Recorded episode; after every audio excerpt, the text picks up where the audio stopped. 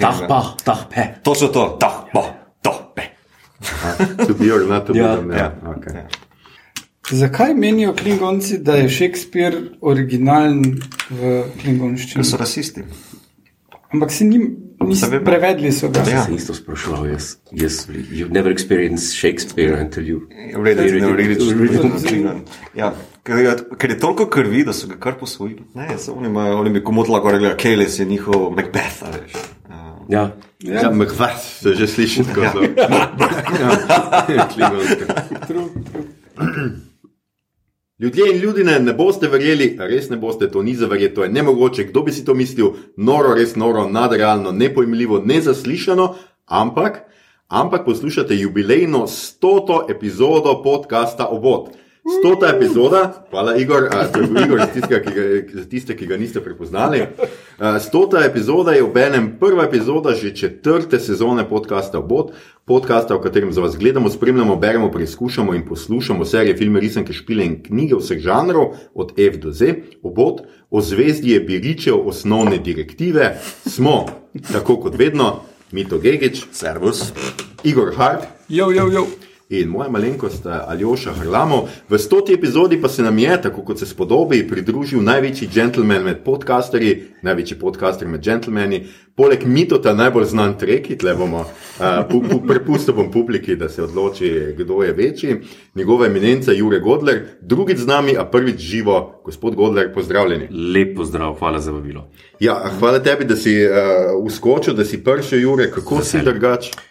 Perfektno, ne vem, kdaj sem se na zadnje o Star Treku pogovarjal, v družbi ljudeh, ki jim je Star Trek blizu. Tako da, Po navadi sem samo razlagal nekomu, hej, Jure, pej. Ja, saj, kdaj ste pa, kako dolg je pa že od zadnje opazovalnice? Od zadnje opazovalnice bo pa po mojem že več kot eno leto, oziroma leto pa pol, če se ne motim. Mislim, da je bilo aprila, maja, uh, da smo posneli zadnjo. Vem, da je bila že uh, ta epidemija, uh -huh. Uh, ampak takrat je glih mal popustila, ker- so okužbe padle in vem, da sem še eno ali dve epizodi, da smo še posnela uh, z Anžetom, potem pa ne več. Se pravi, to je bilo pa lani maja, se pravi, ja, leto pa pol sem že. Skratka, že pogrešamo te. Uh, ne vemo, kdaj se vrne. Mi smo ga seveda hoteli tudi danes v epizodi, ampak žal ima druge, druge obveznosti. Uh, skratka, če vas vem, zadnjih 25 epizod niste poslušali, potem vam zdaj povemo, da se seveda z Juretom Godlerjem nismo srečali na ključno, niti nismo na Mauriciju, ampak je današnja tema kultna, legendarna serija Zvezdne steze, naslednja generacija, kot je prevod v slovenščino, seveda uh, Star Trek The Next Generation, najdete jo med drugim na Netflixu. Uh, ker zaokrožiti moramo pač z nečim, kar imamo radi, in Star Trek je pravšna tema za našo prvo stotico. Če serije niste gledali, Ja. ja. ja. Uh, uh, težko rečemo, da bomo karkoli kvarili, ker je Star Trek ne mogoče kvariti, tako kot je ne, ne mogoče povedati vse. Vsekakor pa upamo, da vas za ogled ali pa ponovni ogled, upamo, da tole drugo, navdušimo z današnjo epizodo, zato se lepo gumno spustite z nami. Sluh, poslednji neusvojeni čut. To so potovanja vesoljske ladje obod, njena stalna misija. Raziskati ušesa vseh oblik, poiskati ušesno maslo in nove civilizacije. Pogumno iti tja, kjer še niso slišali za podkaste. Maestro, vart ena, zaroči. Engage. Ah,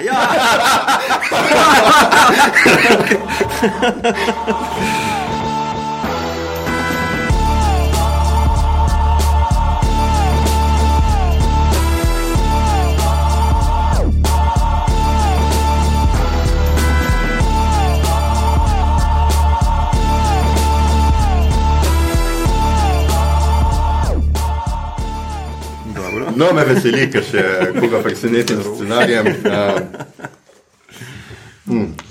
Ljudje in ljudje, to je to, skratka, Star Trek The Next Generation, serija od leta 87 do 94 je osvajala um, televizijske ekrane in sicer natančneje od 28. septembra 87, blizu smo tej številki, uh, mislim, ne leto 87, 28. septembru pa gotovo.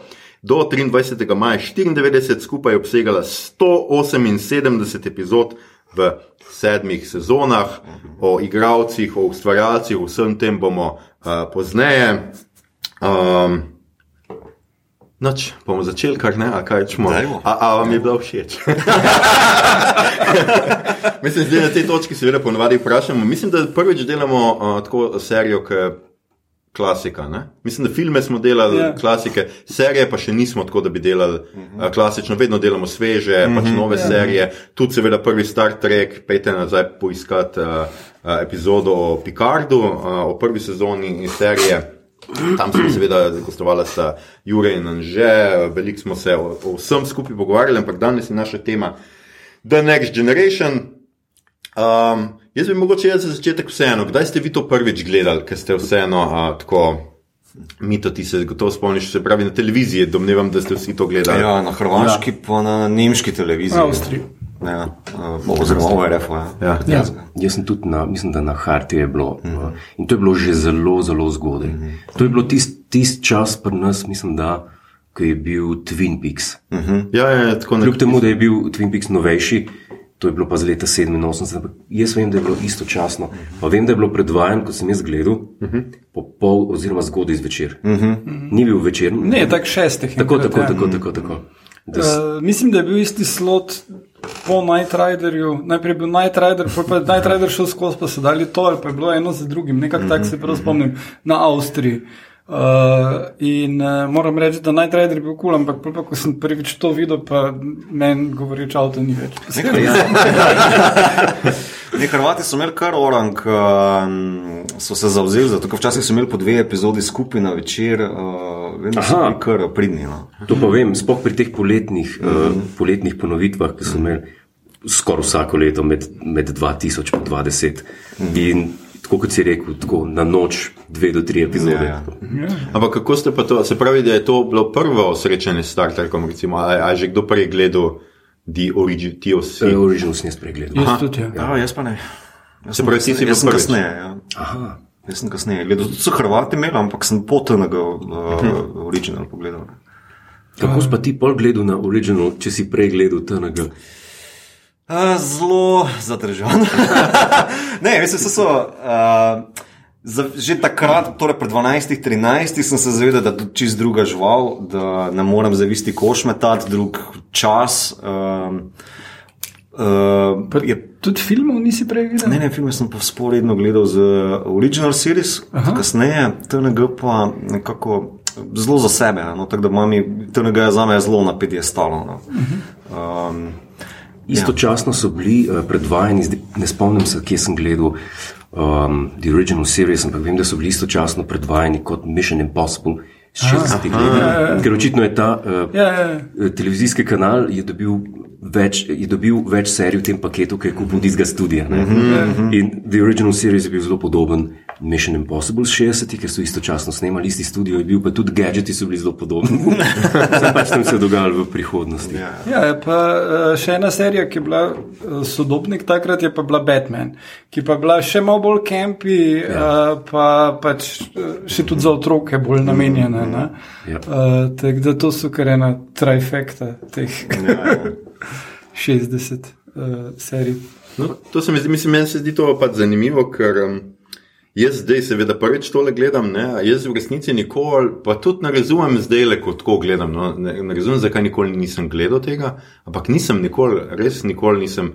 Ne spomnim se niti ene epizode, da bi kadarkoli, zdaj, ko sem pogledal, recimo te dve, da bi kadarkoli rekel, a to se pa mogoče spomnim, da sem videl po TV-ju. Ne, noč od tega absolutno nisem gledal, nikoli tudi nisem nekaj posebej maral za Star Trek. Zato, ker sem doktor Hujerc. Ja, mislim, jaz sem gledal Dr. Huja po TV Aha. Slovenija takrat, ne, tiste mm. še tudi, mislim, da so imeli precej 60, 70 te epizode, to ja. Uh, tega pa ja nikoli. In uh, z resnici mi je zdaj zelo smešno, ker ko gledam nazaj, dobivam tudi malo feelinga neke nostalgije, čeprav nimam nobene reference na kakršno koli nostalgijo, ker pač nisem takrat tega gledal, ampak imam pa zelo močan feeling, pač tako. In tisto, kar mi je res všeč, je, da čutim do Star Treka v bistvu neko otroško navdušenje, uh -huh. uh, več čas, ki ga gledam. In to se mi zdi pač ful smešno. No? Uh -huh. Res pravim, ker pač nikoli nisem gledal tega kot otrok in ne vidim. Ampak vsakeč, ko gledam, je tako, da bi se vrnil v te cajtke, ki smo gledali drugo televizijo, drugačno televizijo, ko so bile pač uh, na nizemke take, kot so zdaj. Pa čeprav spet tudi tukaj Star Trek, jaz mislim, da. Nekaj povsem drugega. No? Mm. Jaz zdaj, ko tole gledam, pa če primerjam jaz z MacGyveri, mm -hmm. z Baywatchi, vse to, kar smo gledali kot mulci, ne? pač to je k noč pa dan. Mm -hmm. Tle so res že vidne ene stvari noter, ki danes, o katerih danes govorimo, kot o zlati dobi televizije. Eni, uh, Jaz mislim, da je bistvo v tem, kar praviš, da kar gledaš kot otrok, naštudiraš v nulo, sploh če rataš fen, kot ja, ja. otrok. Jaz, recimo, če ne bi, ne vem, do Enterprise sem še gledal tako redno. Mm. Takrat ni bilo druge za gledati, kot na, uh, smo že lodali. Aha, ja, ja. 2001. Uh, povem, sem bil uh, strasten oboževalec in vem, da če do 2000 ne bi gledal nič od Star Treka, ga tudi zdaj ne bi. Mm. Po mojem je v tem, kaj če nisi gledal kot otrok, pa če te ni zagrabil, da, da si rad obseden s Star Trekom, uh, po mojem ni nič narobe, ne si imel pa doktor Huja. Ja, mm. je, pa, je pa tako pa zanimivo. Mislim, da je tle pač. To, kar si zdaj povedal, se mi zdi pač zelo zanimivo, ker je ja, pri znanstveni fantastiki se pogosto pojavlja ta res močno fenovska struktura in to, kar je zdaj dejansko tudi mainstream posod pograbo, ne, geek mm. kulturo, mm -hmm. piflarsko kulturo, ker pač zdaj uh, imamo totalne fene, ki pač po trailerju naredijo šest videov, kjer zelo natančno pač analizirajo. To vse izhaja iz tega, ne izhaja iz tega nekega otroškega nadušenja na nekimi izmišljenimi svetlo, svetovi, ponovadi. In to jaz mislim, da um, science fiction pač zbudi nekako nas. No. Sem bil pa recimo tudi velik bralec, valjda, ne, mm. znanstvene fantastike. Takrat sem bral vse, kar je bilo slovenščini sploh dosegljivo.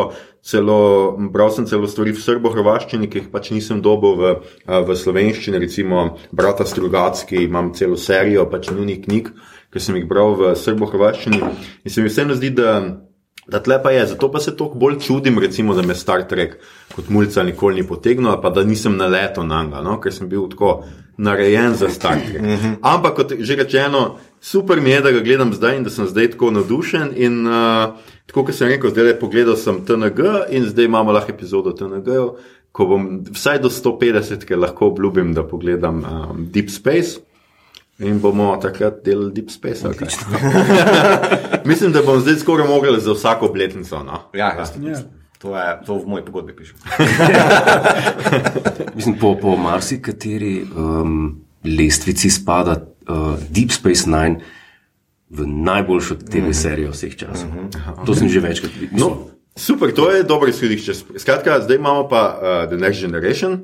Kje je pa ne, The Next Generation pri vas od vseh teh? Zdaj tle pogosto, to pa je zdaj ena tak dvoboj, ne ponovadi je Deep Space Nine folk, pa uh, The Next Generation folk. Mm -hmm. To znotraj Star Treka je vse tako sem se jaz. Vsemi, ki sem se pogovarjal, pa povedal, da gledam uh, The Next Generation, so bili eni, oh, gledaš najboljšo, uh mhm. -huh. drugi pa so bili, ne, ne, ne, ne čakaj na Deep Space Nine. Uh, tako da imaš to dvoje. Skratka, Jaz pa moram reči, da nisem še tega opazil znotraj Aha. Star Trek uh, svetova. Ne? Eh, opazim pa to vedno takrat, ko začne kdo z Darth Vaderjem gnojiti. Tam se začne kregati. Tam se pa začne kregati. No, ampak moram reči, kar se Darth Vadera tiče, čist malo en sajt. Včeraj sem bil v konzorciju in sem videl, da imajo otroške knjige Darth Vader, eh, slikanice očka, ki skrbi za Luka in Leo in se mi je zdelo, wow. Kam smo prišli? Da, da, da. In pač ja, dajte iti spat, ja, pravljica nam me še preberi, pač je cela seja fulušne ilustracije. Uh, moram reči, no to, gremo dalje s tem. Ja. Um. Ne, jaz eh, Star Wars imam za zadnje ceste, ki nisem gledal samo še v memih. Mislim, da je okrog tega antimaskarstva je dost uh, Darth Vader, no tako luk. Darth Vader usname čelada, te pa Luke govori nazaj. Ne, oči, um, zadušil se boš, pa takrat Darth Vader nazaj reče, kaj je moja pravica. No, no, no, okay, absolutno smo preveč govorili o Star Warsih v epizodi o Star Trekih. Ja, um, se, če dam ja. te dve primerjavi, tako, um, mislim, da TNG je lep čas ustrajal na originalni epizodičnosti in to je dost folku trekijo všeč. Tudi zdaj je dost všeč epizodičnost. Medtem ko DS9 je pa malo drugačna živalca, kjer se po tretji sezoni, ne, v bistvu pa začne zelo neka ta sodoben pristop do pripovedovanja velikih narativov, ne, eh, predvsem vojnega narativa, ki pa je vse malo bolj skupaj povezano. Tudi DS9 prvi med treki je nekako potegnil malo bolj kako naj rečem, posledice za svoje like, ki so se zgodili v prejšnjih delih. Naprimer, ja. Samo na hitro skočim, naprimer nog, ki izgubi v nogo, naprimer, ja. in potem imaš po, v parih epizodah kasneje, v bistvu travmo, PTSD okrog tega in tako naprej. Tega mhm. TNG niti nima toliko, razen tu pa tam omeni, rečemo, Picard z Borg problemom in tako naprej. Tega, kar Jaz, je. jaz mislim, da je treba tu, uh, mislim, če se že pogovarjamo recimo, o začetkih TNG-ja uh -huh. in o vlogi Gina Roddenberryja pri celotni uh -huh. zadevi, uh -huh. je tu zelo pomembno, ker njegova lastnost je. Meni se je vedno zdelo tako, oziroma kot trivija, Gene Roddenberry je rekel, da je bil, eh, preden so ga poklicali k sodelovanju za novo Star Trek serijo, to se je začelo dogajati, mislim, da 85. 86. leta, je rekel, po eh, Star Trek The Original Series, če on ne bi bil vabljen na kampuse, na univerze, da predava mm -hmm. o svoji viziji prihodnosti, o Star Treku itd., ne bi mogel uh, odplačati hipoteke. Je rekel, on je bil fail v Hollywoodu, on je bil znan. V eni knjigi je to, eh, pa ne vem točno, kjer. Mislim, da v, v Star Trek Compendium, tam so vsa, vse epizode opisane. Uh -huh. Je rekel, da, da, da je bil, da ni dobil nič za delati in da je bil znan v Hollywoodu kot tisti tip, ki je NBC ob, ob, ogromne denarje spravil z Star Trek Original Series. Mm. On je bil fail. Pa tudi če njegove ostali projekti, ki jih je napisal, The Quester Tapes, uh, to je bil pilot posnet, Spectre, ta mm -hmm. uh, detektivska kriminalna, ki je napisal. Uh, potem še razne stvari. Njegov pripovedni slog, če nima takih legendarnih igralcev, oziroma kemije med glavnimi igralci, mm -hmm. kot je bilo Kirk Spock, McCoy, mm -hmm. kot je bil tukaj, eh, ne tako na začetku, ampak kasneje, mm -hmm. med, med to ekipo. Jaz mislim, da Roddenberry ne more uspeti in da je to pri njem. Ker ful, ful različnih stvari so mu predlagali za, za nov ta projekt, in je vsem rekel ne. Uh -huh. že, že glede likov pa to, in je ustrajal, in to se opazi, dokler je bil on. Prva, uh -huh. druga sezona, uh -huh. The Next Generation, uh -huh. je iz 60 let mm -hmm. struktura. Čist. To, to, to je razplet in konc. Kasneje v tretji sezoni, ko so pa mlade spustili not, tega Ronald D. Mora, mm -hmm. ki je pol, vemo, kaj vse naredil, Brennan Braga, ki je bil mm -hmm. story editor nekaj časa. Ja, pa Berman, ki je produkcijsko furo. Ja. On, pa, on pa sploh, mm -hmm. ker on je pa tisti, ki je dal uh, tem, oziroma on je po mojem najbolj zaslužen, da je, da je pustil uh, Brennan Bragi, mm -hmm. Joe Menoskem, mm -hmm ki je napisal epizodo Masks, pa Brennan Braga, ki je napisal par takih psihedeličnih, mm -hmm. uh, kot je Timescape. Mm -hmm. to, to, to so nore epizode. Mm -hmm. In za tiste čase se mi zdi kar. Ker Star Trek, v zadnji, uh, The Next Generation, v zadnjih par sezonah je šel kar tako v ostre sci-fi vode. Ja, ja. Predtem ja. je bilo tako, to so relativno nedolžne epizode, mm.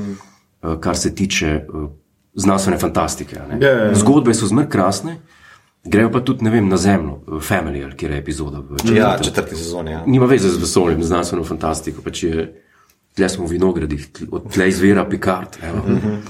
In pa pripeluje s seboj, seveda, DC Fonteno, tole uh -huh. uh, njegovo tajnico. Pa Jerry Taylor. Jerry Taylor, ona je pa sploh. Ja. To je Ja, tako se mi zdi, da ko me je začelo zdravje malo pešati, ne, ja. tudi dost vajati izpustov.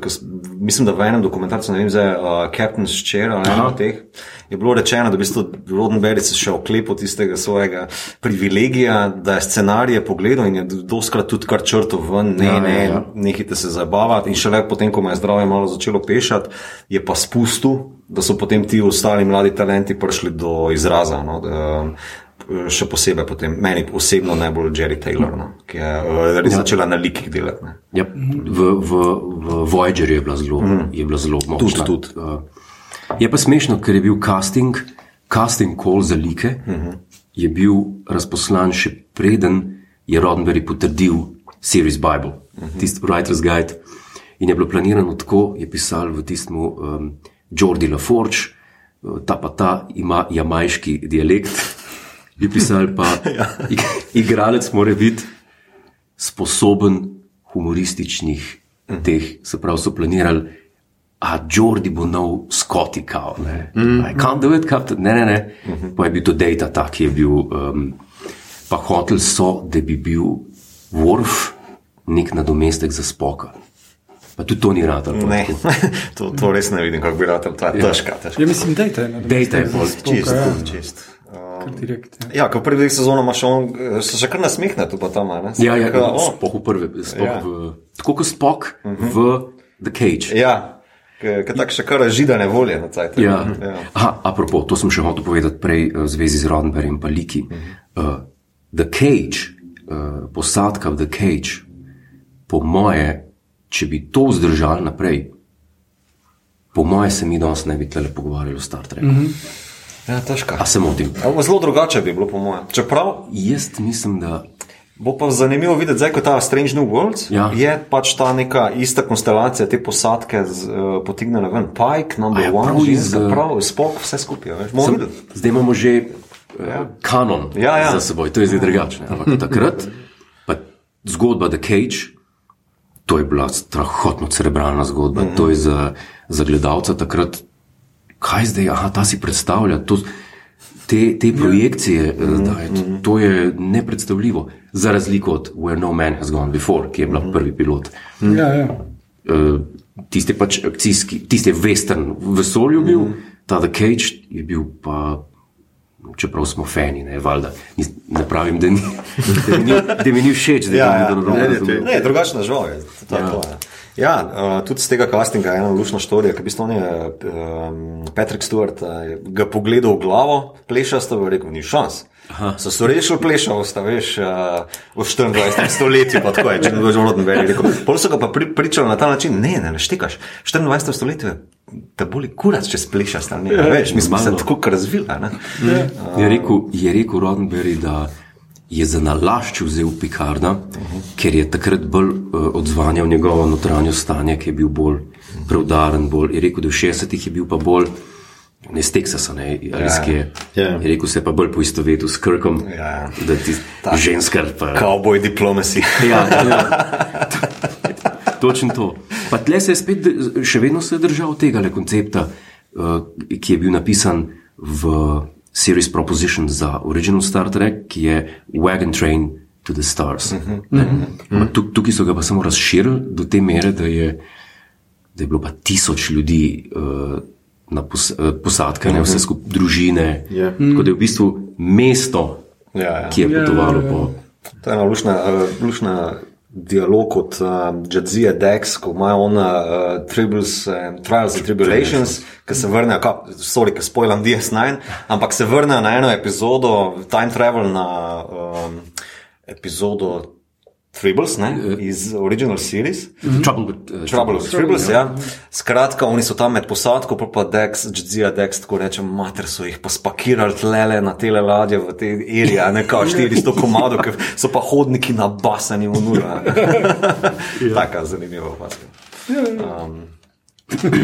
Ja, sej, uh, meni je bilo pač res zanimivo, ker pač pride seveda nova posadka, pridejo novi ljudje, ki so precej drugačni, precej preskok v izdelavi karakterov, predvsem je. Um, Izdelani so precej bolj, tudi, tudi njihove osebne štorije začnejo nekako zelo vno, vnašati pomen v zgodbo. Sej, Meni je, bila, meni je bil uh, or, originalna serija ravno zaradi tega všeč, ker so se vseeno malo držali tega. Ja, krk je kao bojc, spok je kao logik, uh, uh, zdravnik je zraven, da še pač kaj hecnega pove, pa kakšnega rukne. Uh, in pač zmer si imel, pač na to si se lahko zanesel. ne. To je meni tisto, kar včasih naredi. Pač se dober žanr, se vemo, naredijo ga tudi karakteri, naredi ga to doslednost karakterov. ne. Karakter res v tem smislu, da se ti lahko zaneseš na to, ne. Se to mislim, da je uh, Igor zelo dobro opisal v našem pojmovniku, zdaj ima tle, uh, uh, kako se že temu reče. Um, Ekonomski propagandni Tako, product, product placement, uh, zelo brešivno. Kot je Igor uh, zapisal, recimo za situacijsko ko- komedijo, za sitkome. Ja. Ja. Tam imaš pač ti sitkom veli, ve, zelo uh, deluje na tem, da ti veš, kaj lahko pričakuješ, Kaj hitro boš neko situacijo naredil, ti že veš, on bo ono, neki bo tam, on, bo on, on je živčen, on je pogumen, on je tako. In pač iz tega, in Star Trek prvi točno na tem počne, ne, se mi zdi, da pač točno veš, o, zdaj, zdaj bo pa te krk, zdaj boš pa ti videl. No, se, uh, tudi uh, X-Files je imel zelo na Mm. tem. Ne, ker imaš dva, ki sta vsak na svoji strani in to je to. In potem ne vem. Na, Uh, mislim, da proti koncu prve sezone ali pa v začetku druge daš not, da je obrat in pol ona verjame, on pa je skeptik in si uf. To so že bili fuj drzni, ne? zdaj v 60-ih še niso si tega toliko upali. Ja, ja, posebej pa hotel sem to reči. Ne, kar mi je zanimivo meni pri Star Treku je to, uh, to smo se tudi, ker smo spet pojmovnik delali, ne, veliko je distopij, mi imamo veliko antiutopij, veliko imamo podob grozne prihodnosti, ne vem kaj, ampak Star Treku je pa meni tako nenavadno, ker je pač v resnici utopija. Ne? Mi imamo utopično družbo prihodnosti. Naenkrat se zgleda, kot da je vse v redu. Ok, seveda oni naletijo na razne ovire, na razna čudna, nenavadna bitja, na razne eh, vse mogočna bitja, ki skušajo jih uničiti ali pa človeštvo, vsaj malo postaviti v kot, ampak v resnici je to utopija. Ne?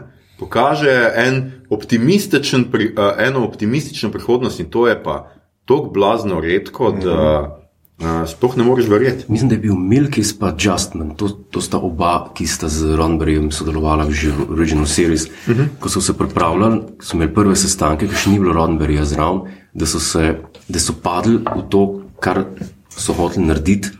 So pri prvih par sestankih po kosilu gledali Blade Runnerja pa Alien. Okay. Okay. Pa je pa Ronberg prišel, pa, pa jih je hitro spravil v, v ta pot, ki si rekel. Ja. V mal drugačno prihodnost. Ja, ja mičkeno, mičkeno pa je res, pa je res drugačen. Ker pač meni, za me je to tudi tako zelo drzna serija, glede na to, kar, kar še danes, recimo, Amerika snema, mm -hmm. pa kar Amerika ideološko. Prodaja svetu, kako oni rešujejo svet, mm -hmm. kako ne vem, bel moški pokaže Japoncem, kaj so samuraji. Ja, uh, pa vem, tudi ne samo so, to, ne, vedno je, je že od, predvsem od 80-ih dalje, imaš ti pomembnost tega, da en človek lahko naredi spremembo in da po možnosti ta človek uh, gre v biznis za samega sebe. Ja. Imaš pač ta kapitalizem in podjetništvo not. ne. Uh, Star Trek je. Mislim, enostavno ni lastnine, praktično. Imaš ti neke kipsejke, pa neke spomine, in to je to. Imaš replikator za hrano, ki ga moraš naučiti recept, to je to. Imaš uh, vse, kar rabiš. V enem delu vem, da celo pridejo, pa probajo nekaj bi rabili od nekoga, pridejo nekam, kjer imajo. Uh, Pač bi morali kupiti, in se tako ne, ne bo šlo. Ne, se to, to, to izvira iz, eh, iz osnovnega koncepta, kar praviš, ta uh, utopična prihodnost. Prav nobenem nič ne manjka. Roddenberry je hotel, da tehnologija, ki se uporablja, da ne bo faulty. Uh -huh. On je hotel, da tehnologija, ki se uporablja, ker to je bilo v, prejšnjih eh, serijah, je bilo. Je pa je se transporter pokvaril, pa so šli v zrcalno vesolje. pa Je, zmer, je rekel, da hoče, da s transporterji vse to deluje tako, kot more. Da ni, o, kapitan, transporter se je pokvaril, le kaj bo pa zdaj. Te- Tega ni v The Next Generation. Ampak Ja. je samo uh, drugi zapleti so tle. Ja, ja, vedno je nekako ekstern pritisk na to utopijo ali pa na brezhibnost te tehnologije. ne. Um, Ja, ja. V TNG se zelo radi ponašajo, kako so v bistvu. Um, uspešni, ne? Ja. so teranci, ne? v bistvu mm. zelo dobro prišli skozi eh, vse svoje fore, lahko to rešili, denar rešili, ekonomijo mm. rešili. Zdaj trenutno delamo samo še na sebi, da si Ja. izboljšamo nas in našo kulturo. In bla, bla, bla. Kljub temu, da je marsikdo potem očita, ja, z- tako kot v Undiscovered Country, ja, ja. sej.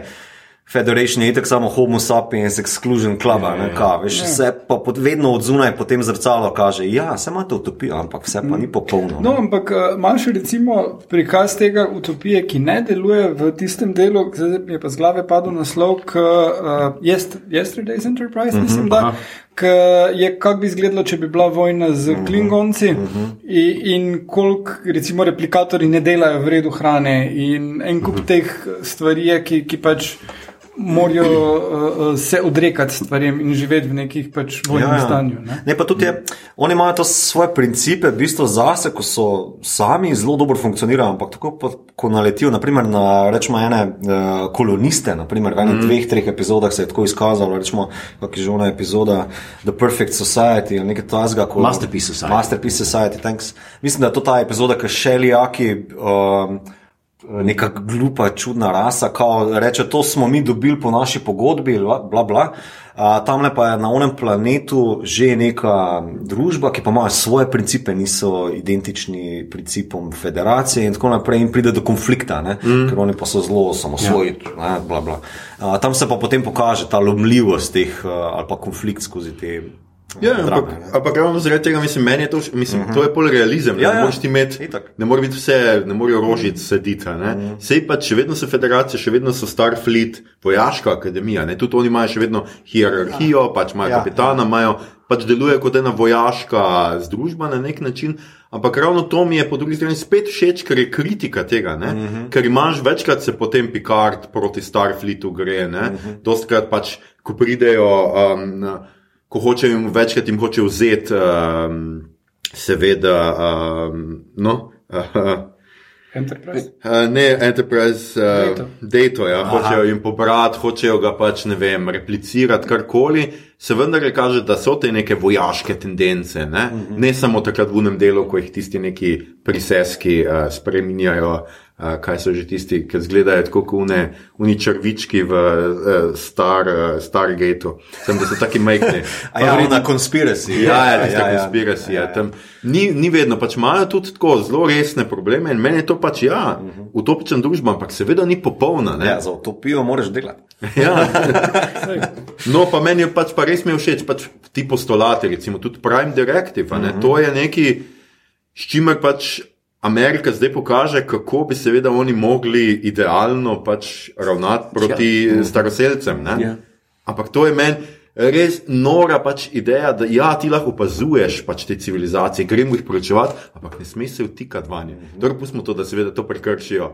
Ziljonkrat, ja, ja. Zakeč, ampak veš, so pa res take dileme, veš, kaj narediti, ker tam en planet umira, kaj, kaj narediti, a bo zdaj ti gledal ki imajo oni katastrofo, če jim lahko pomagaš. Ja, moralni imperativ. Ne, ja, ja. Ne, sej, uh, to, to je fulj zanimivo. Bilo sem imel nedavno intervju z Matejem Vraničem, ki je uh, naredil krasen dokumentarec Divja Slovenija in sem vprašal, koliko kaj posegajo noter, če je žival v nevarnosti. Ne? Uh, pa je rekel, da pač, če je žival v nevarnosti od plenilca, itak je to naravno okolje, ne moreš. Uh, mislim, ne bi hotel Po drugi strani pa plenilci so toliko hitri, da ti, če si videl, da je požar, en bi šel po kar ne moreš izbot ja. onega kamuflaže, ko ima, hej, stari snimam.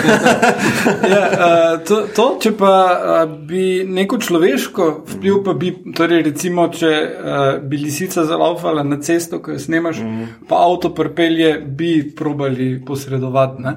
In mislim, da je to en dober pristop, kak. Ne? Ker tudi mislim, da v Star Treku so dosti podobno imeli. Da, uh, zdaj to pa mislim, da je bilo v filmu, enem od teh novih, da tam bo eksplodiral vulkan in pravimo tiste ljudi proti spraviti od tistega vulkana, da ne bojo takoj pomrli cela civilizacija. Mm. Se mi zdi, da je nekaj takega smiselno, uh, ampak. Uh, Oni grejo vedno prek tega.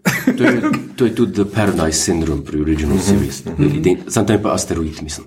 Ja, ja. Pa je treba rešiti. Ja, pa tudi ona, ona epizoda z um, True Q. Aha. Ona mlada Q, veš.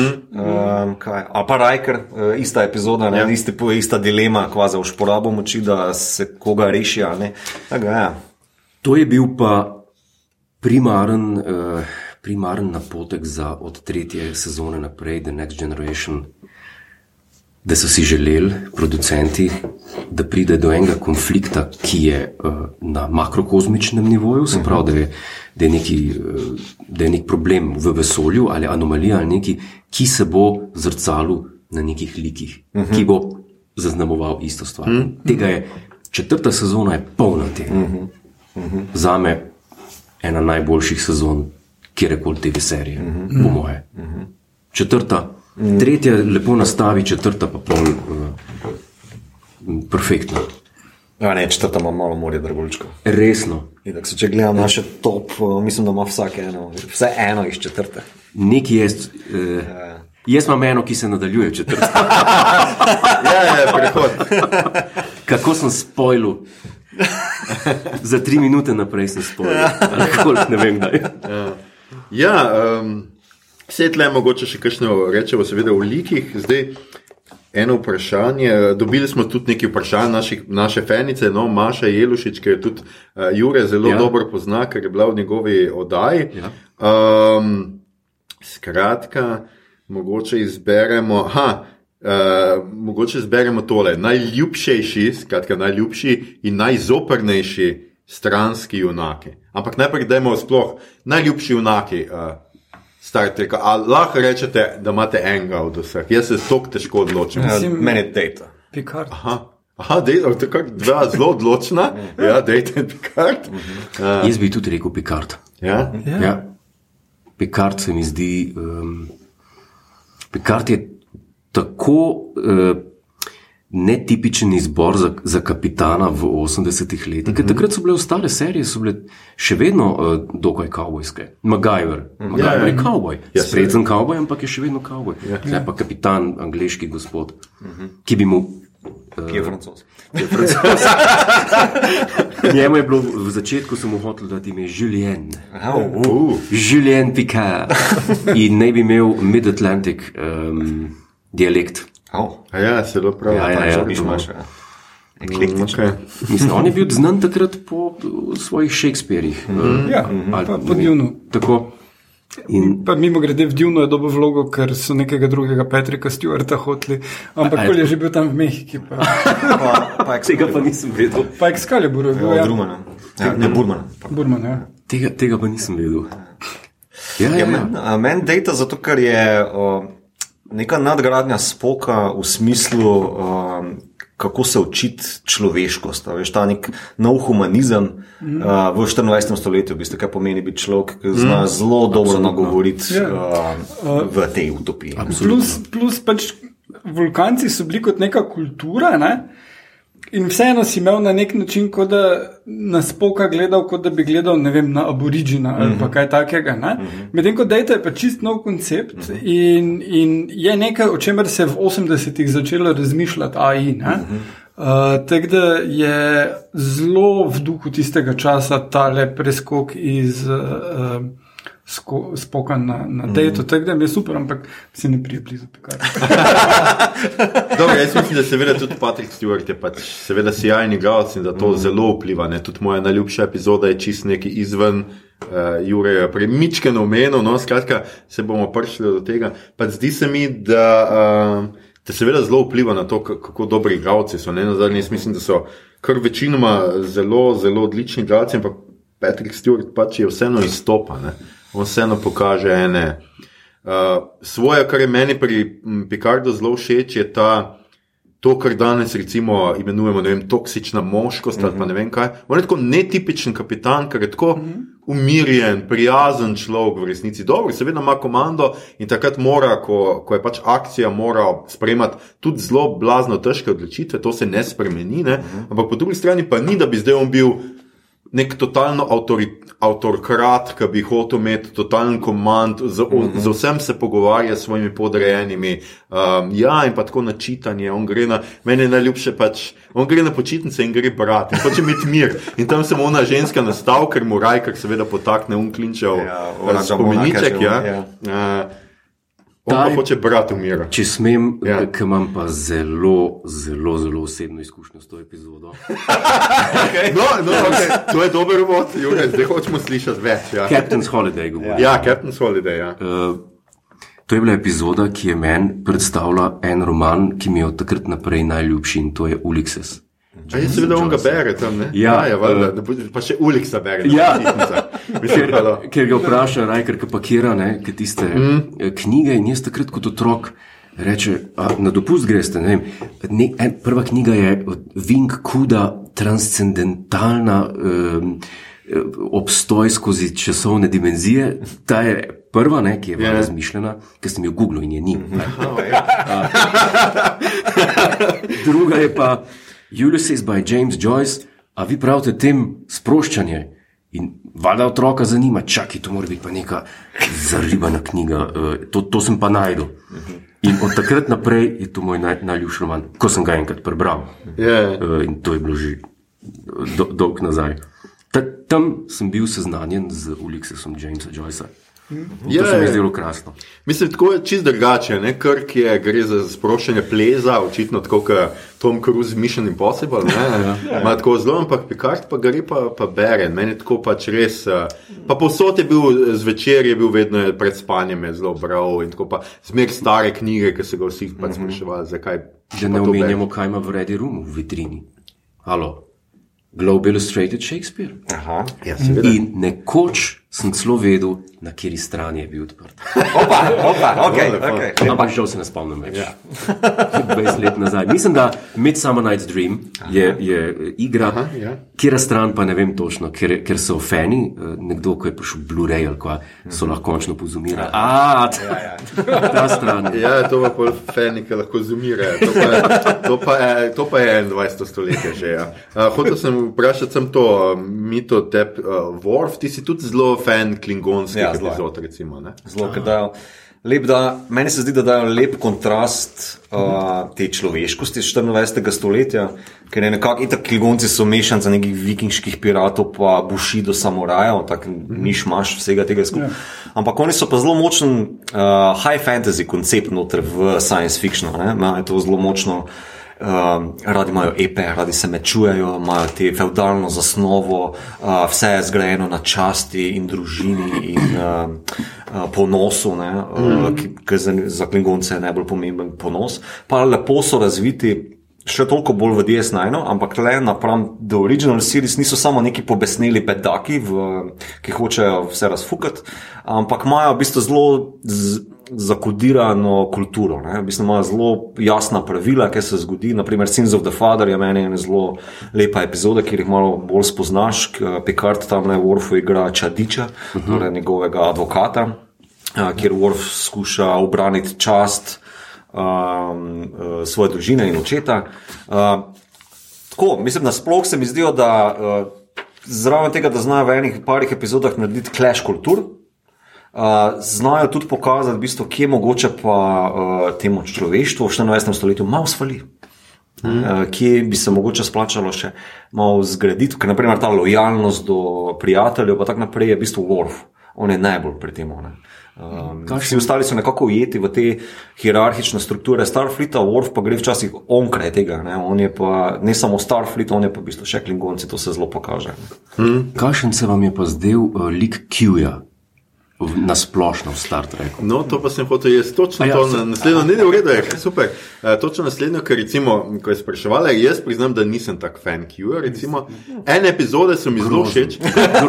Ene epizode so mi zelo všeč, ampak od začetka je meni šel na jedra, ker je pač ta tipičen Star Trekovski omnipotenten, mm. omniprezenten lik, ki pač pride, pa mu noč ne moreš, pol pa ga nekako vseeno uspejo premagati Pa s tem, da so dobri je. ljudje. Loki ja. je trickster god. Ja. In pač ne paše mi. No. Mislim, ima fajn, se eni fantasy koncepti, no, lepo, tako si rekel. Mm. Uh, uh, tele klingonci, pa tudi, ki, ko pridejo kam, pa je malo bolj tak, vrejo pašejo. Not Q pa ful je premočen. Koncept ne, in, in mislim, hkrati lahko vse probleme jim, kadarkoli bi ga rabili, odpravi. Ja. Ja. Njim, on se jim, uh, mislim, oni se mu dopadajo, tako da actually bi jim lahko prišel na pomoč, ko jih borgi napadajo, pa ne, ja. ker si zatek. ja. Ja, meni se pa zdi, popolnoma razumem, pa podpišem to, kar si rekel, Ja. ja. ampak zdi se mi pa tudi, da je pa plus Q-ja, ker ji obrne tale koncept postkolonializma ne, uh, na glavo, mm -hmm. kjer pa je v bistvu zdaj. Uh, Homo sapiens, kar naenkrat tista tuja kultura, ki jo pa Q kot mravlje malo gleda, ne, pa se z njimi igra na soncu. Ne. In takrat se, naprimer, v večini epizod se pol izkaže, predvsem Picardova moralna uh, drža. Ne, v bistvu, mm. Eh, Ja, vem, da nas sodiš, on jim sodi od prve epizode mm. do zadnje epizode. Sedaj še na koncu reče, pa zdaj v traileru za drugo sezono. s- s- Sodnije se nikoli ne konča. Ja, ne. ja. In oni v bistvu non-stop testirajo glih na temo, kar bi naj, na kar so vsi ponosni. Ne? V Star Treku mi smo homo sapiensi, mi smo prišli tako daleč, mi smo prelizali iz ne vem kakšne griznice. In smo tle vrli svetilnik uh, Alfa kvadranta, levo, desno, ki pa reče: A ste res? Ja, ja. A ste res? Dajmo probati tole, dajmo testirati. Ne? Kjuhu. Ja, kjuhu. Kaj sem hotel reči, če apropo Kjuja? Uh, zgodba za Kjujem je pa ta, da se je zelo dolgo Roddenberry kregel glede pilotne epizode Encounter at Farpoint. Uh -huh. On je hotel, da je enourna epizoda to. Studio je ustrajal, da je to dvourna epizoda. Uh -huh. In niso pa niso popustili, eh, ne eni, ne drugi, ampak je potem Roddenberry klonil in osnovni scenarij ni imel Q-ja. Q je bil dodan zato, da so se dobili dve uri. Aha, ok, zanimivo. Tako da to je bil kot ja. plot element, ki meni men ni bil nikoli nikol všeč, iz točno teh razlogov, ki si ti povedal, mm. Igor. To, točno to. Pa, pa kaj ima zdaj smisel, da se mi sploh še naprej pogovarjamo, če obstaja to bitje in ko je najhujš, ga ni bilo, ko jim gre pa uh, slabo in pa še mal nagaja. Ta bog nek, ja. Ne, mislim, da tak, tak en gimmick, je, scena je kot, ne vem, uh, uh, time machine v Harryju Potterju. Ja, gledaj, če imaš pa to zadevo, pa lahko vse probleme rešiš.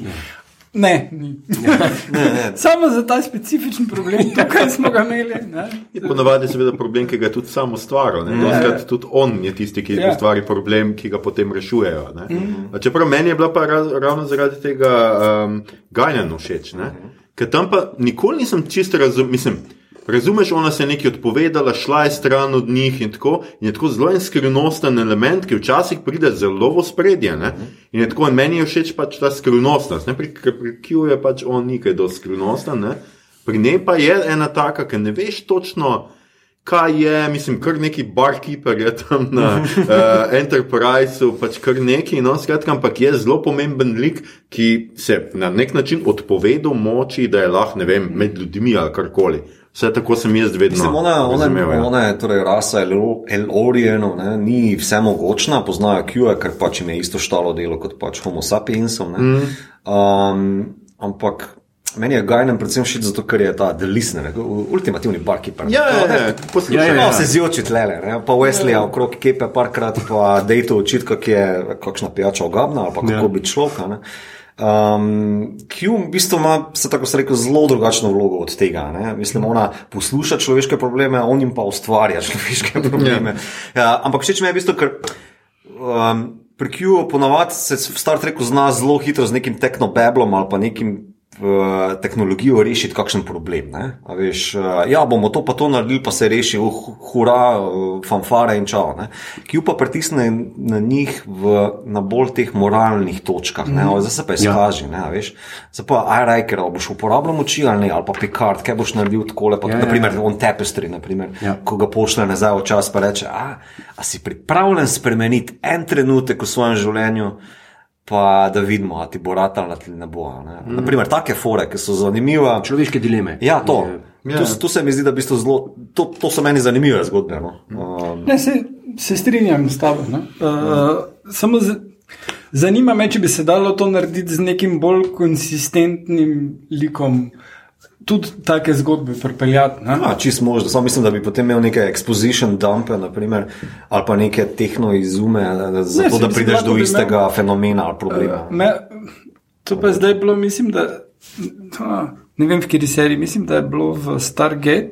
Stargate. -huh. Ali pa je bilo v eni drugi, ni, mislim, ni Star Trek ideja, kjer najde neko civilizacijo, ki je toliko advanced, da se noče družiti z njimi, -huh. ampak uh, jim pa pač nekaj propada planeta ali karkoli in jih morajo nekam drugam odpeljati, in oni jim ne bojo pokazali svoje tehnologije, samo rekli bojo dio.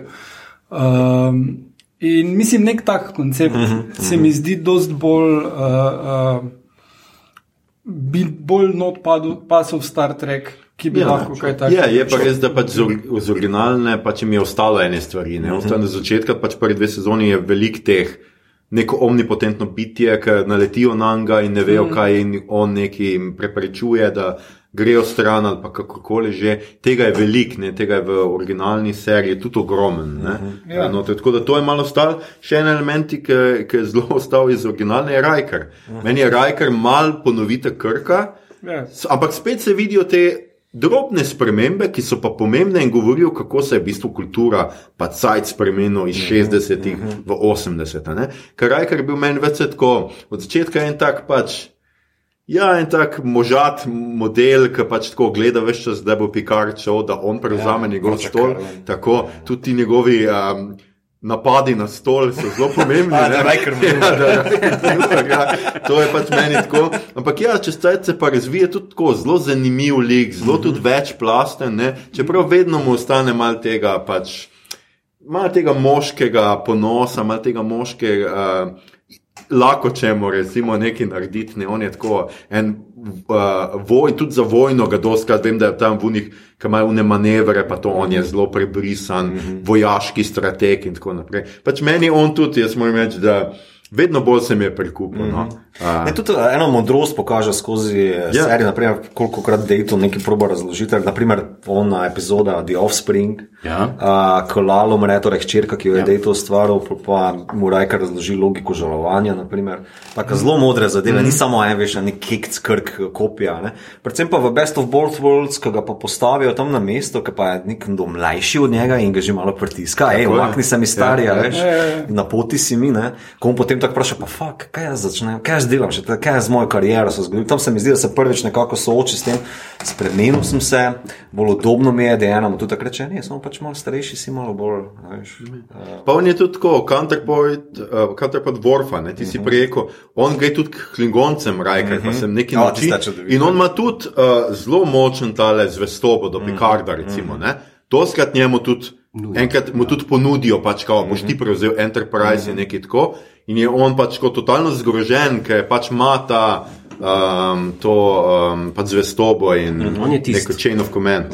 ki, ki uh, ne delajo več to, kar so delali v The, the Original Series, se pravi, da pride do enega planeta, vse narobe, Kirk, ti z menoj, ti z menoj, Ja. ti z menoj, tukaj je number one away team. Ja. in, Ja. in grejo dol, ni, se ne zgodi, da bo Picard šel. In če pa Picard reče, to grem pa jaz. Reče pa Rajker, ne, ne greste. Ja, ja. To se ogromno krat zgodi. Jaz grem, eh, ali pa on zbere ekipo. Pa z, uh, vesel sem, da niso naprej pelali tega zgodbenega elementa, da on na začetku ne mara dejte. aha, ja. Ona ja. sta zdaj to. On, mm. Pa kako naj jaz delam s tem človekom? K, Ja, to bi meni fail v drugi sezoni, ko so Krašerjevo zamenjali za dr. Polaski, ko so skušali tam nekoj spok logiko pelati nazaj, tale, ja. Ja.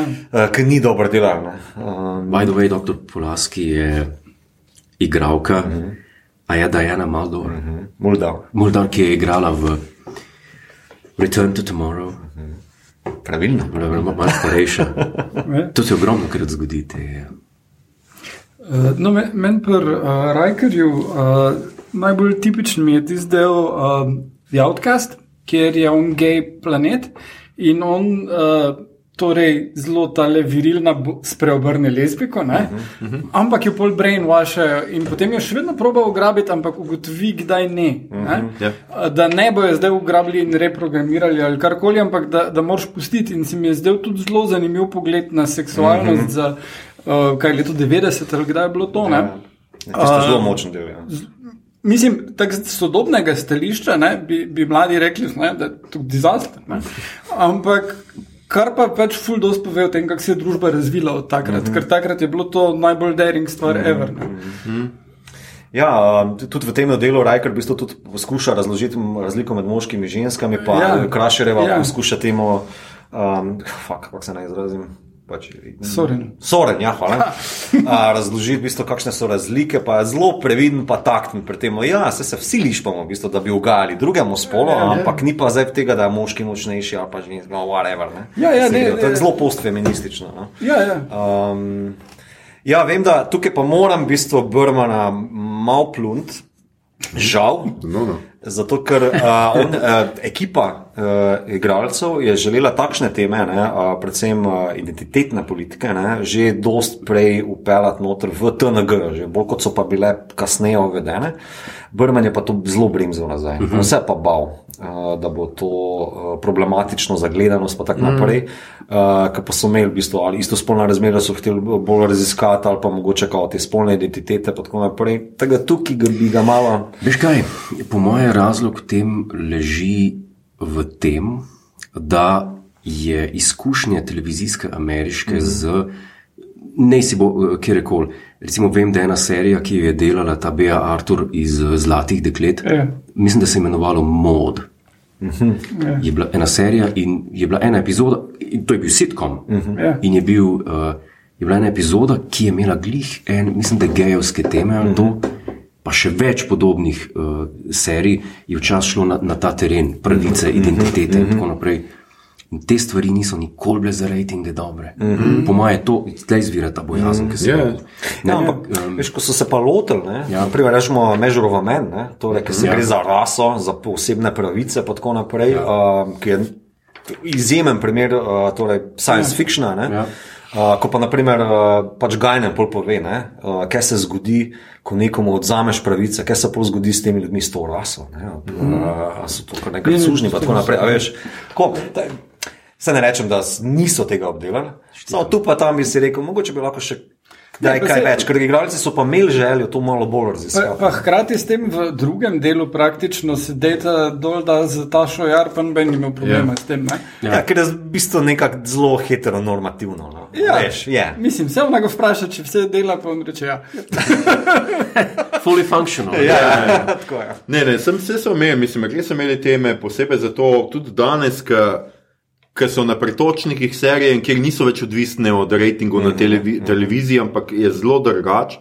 Vse skupaj je vseeno enih takih tem, recimo, nisi bil tako vajen, še zadnjih deset let, ne, recimo, imaš tudi. Uh, Temu posilstva, kjer je posilstvo v bistvu uh, umsko, oziroma prek neke te teleportacije, kaj že ima neko sposobnost, ki je eno, troje, ja, ja, ja. ki jo pač skratka posilijo, ampak v umu, ne fizično. Ne? Mislim, to je, to je neverjetno, kakšna, kakšen koncept, Ja, kakšna ideja. sem nekaj, ko so oni trije, pol pa si. Ja, ja, ja, ja. ker ne ve točno niti, kateri je, zato ker on prevzame pač uh, drugo obliko. Mislim, to so nore, nore ideje, nori koncepti in res drzno za televizijo tiste čase. Ne? Jaz česa takega spet. V raznih Magajverjih, v raznih, nisi tega videl. Ne? Je pa, je pa tudi ena epizoda, kjer, pa, kjer je pa nekdo mu sodijo, ker bo nekaj naredil. Ja, ja, ja, tudi to. To je pa mislim, da Voyager. Uh, aha, Ja, bo. Mislim, da je prva sezona Voyager ali druga. ta- Ja, mislim, Ne spomnim se pa epizod. No, skratka, mislim, so koncepti, ki so in pač tle noter vse se vidi, uh, koliko je televizija, recimo, koliko je znala že biti drzna, pa je vse našlo. Mogoče je šlo lažje mimo, zato ker je pač bilo seveda v prihodnost postavljeno ja, in tako. Ne? To je vedno. Dober sci-fi je takrat, ko zna nasloviti um, probleme sodobne družbe. Ne, Mislim, um, in to je Star Trek znal zelo dobro delati. Uh, ne, kar, kar se posilstev tiče, to ni bilo nekaj novega. Uh, Takrat je bilo v policijskih kriminalkah je bilo posilstvo pogosto, mm -hmm. uh, recimo, kaj je bilo na seriji Hunter. Tam je bila ona glavna pač partnerka njegova, uh, detektivka, je bila, mislim, da tekom serije dvakrat posiljena, zato da se je on lahko maščeval potem in znesel nad zlobneži. Zelo lepo. Ja. Pa drugič je že ona konkretno vam padla, da noče tega, ampak pač ni imela besede. Ja. Pri tem, ampak to je bilo nekaj dosti tipičnega. Ženska je posiljena zato, da jo moški maščuje, mogoče še ona, pol koga brcne, drugače pa ona trpi. Mm. In tu, tu je tukaj. Tudi tukaj je Star Trek dosti drugače Mhm. opravljal, ker ni potem Rajkar šel pretepst nekoga. Ne? In tukaj, tukaj bi jaz rekel, Ala Vera Ronberju, zakaj zaradi tega njemu in Brmanu Mhm. kasneje je bilo najbolj pomembno, ko so prišli novi pisci ali pa ko so prišli novi story editorji, eh, tisti, ki so samo zgodbo dali, pa so oni scenarij napisali. To so bili vedno ljudje, ki so razumeli, da je treba, če hočeš pisati za televizijsko oddajo, pa nisi bil znanstvena fantastika ali pa kaj drugega, poznavanje likov. Uh -huh, uh -huh. To je bilo, oni so spremljali v tretji sezoni nove pisce, nove moči, tako da so napisali uh, en scenarij, en ta uh, vzorčen scenarij, ki se je skoncentriral na en lik in, in so oni videli, a zna razmišljati on kot ta lik, a zna razviti iz tega. Mm. Če je prišel nekdo, če bi v tretji sezoni prišel nekdo z idejo frame of mind, mm -hmm. uh, timescape, mm -hmm. masks, bi samo skozi vrata šel domov. Ker tam ni bilo važno, uh, koliko noro idejo se ti lahko spomniš, tam je, da ti poznaš mm -hmm. Picarda. Da ti veš, kako dejta razmišlja. Mm -hmm. Iz tega se rodijo te zgodbe, kot si rekel, posil, te, uh, posilstvo v, v umu in, in tako naprej. In tako to izvira iz sposobnosti pisanja za like, mm -hmm. ne od koliko je človek ustvarjal, pa koliko si spomnil na odfukano idejo. Ja, ja, in pač vse to je tisto, tist, kar dela dobro televizijo, pa dobre zgodbe. Ne? Ti vseeno moraš z liki operirati in pač ne moreš ti liko prilagajati zgodbi, obratno mora biti. Ja. Ti moraš zgodbo imeti, ampak moraš razmisliti, kako se bodo ti liki odzvali na te. Situacije. No. Tudi Maša, recimo, opozarja, kaj pa ženski liki. Ne. Tukaj je dosti bilo uh, tega, imamo pač, ok, imamo Diano Troj um, kot eno glavno in pa seveda um, Beverly Crusher kot dve pa ženski, ki ste najpogosteje dobro taša. Zelo hitro umre, pa pol pride malo nazaj, ampak recimo niti ni to. Populaski. Ja, recimo. No. Mm. Meni, recimo, Diana ni bila tako slaba, je pa res, da so jo doskrat izkoristili pač njeno, bolj njeno mamo no, za ta pač komični vložek mm -hmm. in ubogega Picarda, ki nikakor ni mogel zbežati iz njenih uh, dolgih krempljev. No. Uh, Tle ja. se mi je tudi malo smilo, reš. Je, predvsem se mi zdi, da so jih pod, uh, se reče, podnucali, no? yeah. Ja. pod uporabili, uh, več zgodbi si, po mojem, zaslužili obe. Uh, pa tudi ena par, ki ste jih dobile uh, kot glavne nosilke tiste epizode, so bile boge. No? Mm. Rečemo, Sabrosa za mm. Krašerjevo, ki v bistvu se ona vrne na planet svoje babice, pole pa tam neki duhec, ki jo omamlja z spolnostjo, tako da uh, tiste kar slaba. Pa, ja, tudi dostkrat je bilo to, da se neke, uh, neke seksualne namigovanja not, ne, uh, tudi v tem delu, ki sem jaz izbral, potem gre ona in zapelje tam uh, tega, da dobijo prevoz Ferengica. Uh -huh. Tak, Mislim, vem, da še, še, še ona dva, Vorf pa Picard, tako malo. Ja. Ena od boljših, ena slabših od Diana je, naprimer, ona, ki mislim, da začetek tretje sezone ali druge, ki zanosi. Um, Ja, s tistim nekim, z ja. nekim uh mhm. -huh. bitjem, ali kaj tako. Otrokrata in tam je čisto histerična, se mi zdi, da je čisto over the top. Ni slaba, ampak tako se mi zdi malo. Ona se je dolgo iskala, se mi zdi. Ja, pa mm. mislim, da so pisci za njo nekako iskali, kva z njo delati, ne? ker ona je bila originalno mišljena kot ona. Uh, tisti tis delta, veš, iz uh, The Motion Picture, ja, ja, ja, ja, ja. da bi nekako bil ta lik naprej, pa ne našen. Medtem ko pa najboljša epizoda od nje, vsaj meni, je pa ona, ki se gre v gaslighting, ok, en tip. Uh, ona se zaljubi, zaljubi v nekega ambasadorja, ja, vem, ja. da ima neki narisan, nek tatu na čelo, pa pa ona, on njo cuza energijsko e, in ona se točno. stara, no, ja, ja. postane čim bolj histerična, veš, kao, uh, posesivna in ljubosumna, na koncu pa rata, kao, tako že na začetku epizode, neka stara mama. Ne. Mm. Vere, tista me ena boljša igralska, se ona tudi ful dobro izkaže. Ne. Kaj pa mama njena? A ja, ona, kaj ne rečem.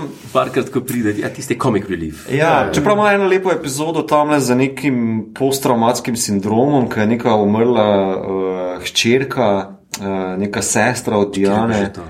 Um, ja, je, je, čakaj, kaj že tle noter. Ja. Ona ima neko telepatsko blokado, ker je potlačila travmo smrti svojih črke in Diana skuša z neko navezavo rešiti to. Ja, nekaj komo, nekaj ja. kvazi pada in pol Diana. Tiste, tudi, tam se mi zdi, da v bistvu Laksvana in Diana nekako dobro delata na skupaj. Ja, ja, pa tam ni še, še en, še en uh, del, ker je pa neka.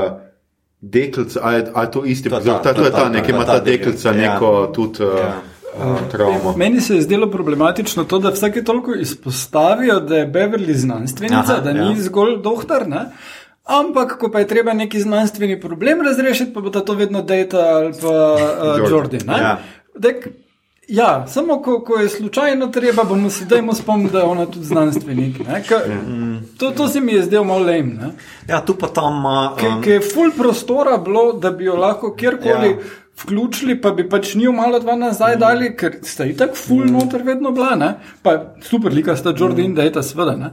Si, že tu Jordi pa Data so dostkrat niso vedeli, komu ktero dati mm. zadevo, ker sta oba kao vse obvladali. Ja, Beverly oziroma McFadnovo so full premalo ponudili. Ona je Mhm. gledališka igralka, ima svojo gledališko skupino, pa uči igro. Ne? Ona je Mhm. zelo, zelo dobra igralka in se izkaže v bistvu v vlogah, oziroma vse v onih epizodah, kjer pa niti ni znanstvenica ali pa zdravnica. Rečemo tam le z ona epizoda, kjer sta s Picardom na konektana, naprimer, pa ti šal so je non-stop v razmerje s Picardom, pa nič ni Ja. bilo z tega.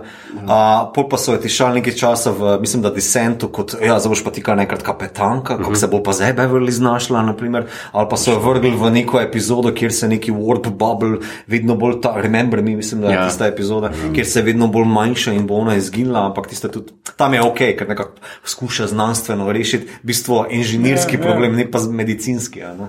Ja. A, tako, nikoli nisem imel, po mojem, za njo uh, medicinskega fenomena ali problema. Polaski je imela ena, dva, tri, Ja, naprimer. ja. ne. Um, ampak polaski, polaski. Ja. Mene je bila ona kar razočarana. No. Mislim, koncept, ne igralka, koncept mi je Mm. bil zgrešen, um, ker pač to odbešanje dejte, ker ki je moj najljubši lik, pač mi nikoli ni dobro sedlo. Uh, to plus ni niti približno toliko hod kot. Uh, ja, se res, ti imaš malo uh, ginger uh, filijo. pa tudi uh, Seven of Nine je čez vreden. Ja, no. Tako da, Ja. če smo pa. Jaz, Ampak, kar povej. Ja. Okay, pa pa ne. Ura, če gremo po različnih. Ja, ja. Hočem reči, da uh, zahvala, da obstaja serija Star Trek The Next Generation, gre pa filmu Star Wars. A ste videli to? ne. Zakaj pa? Zaradi tega, ker je bil Paramount Studio 100% prepričan dati ven serijo Star Trek Phase 2 uh -huh. leta 77. Bilo je narejen 20 scenarijev, ekipa bi bila pa ista kot Star Trek Motion Picture. Uh -huh. Ampak so rekli, joj, ne, to pa ne moramo dati zdaj ven, zdaj cel svet nori za Star, Star Warsom, ki je prišel ven. Ja. In so rekli, nič, Star Wars odzvenel. So rekli, kaj smo zdaj s tem, te scenarije imamo, uh -huh. pa dajmo pa film narediti, ajde, uh -huh. bomo dali denarja malo.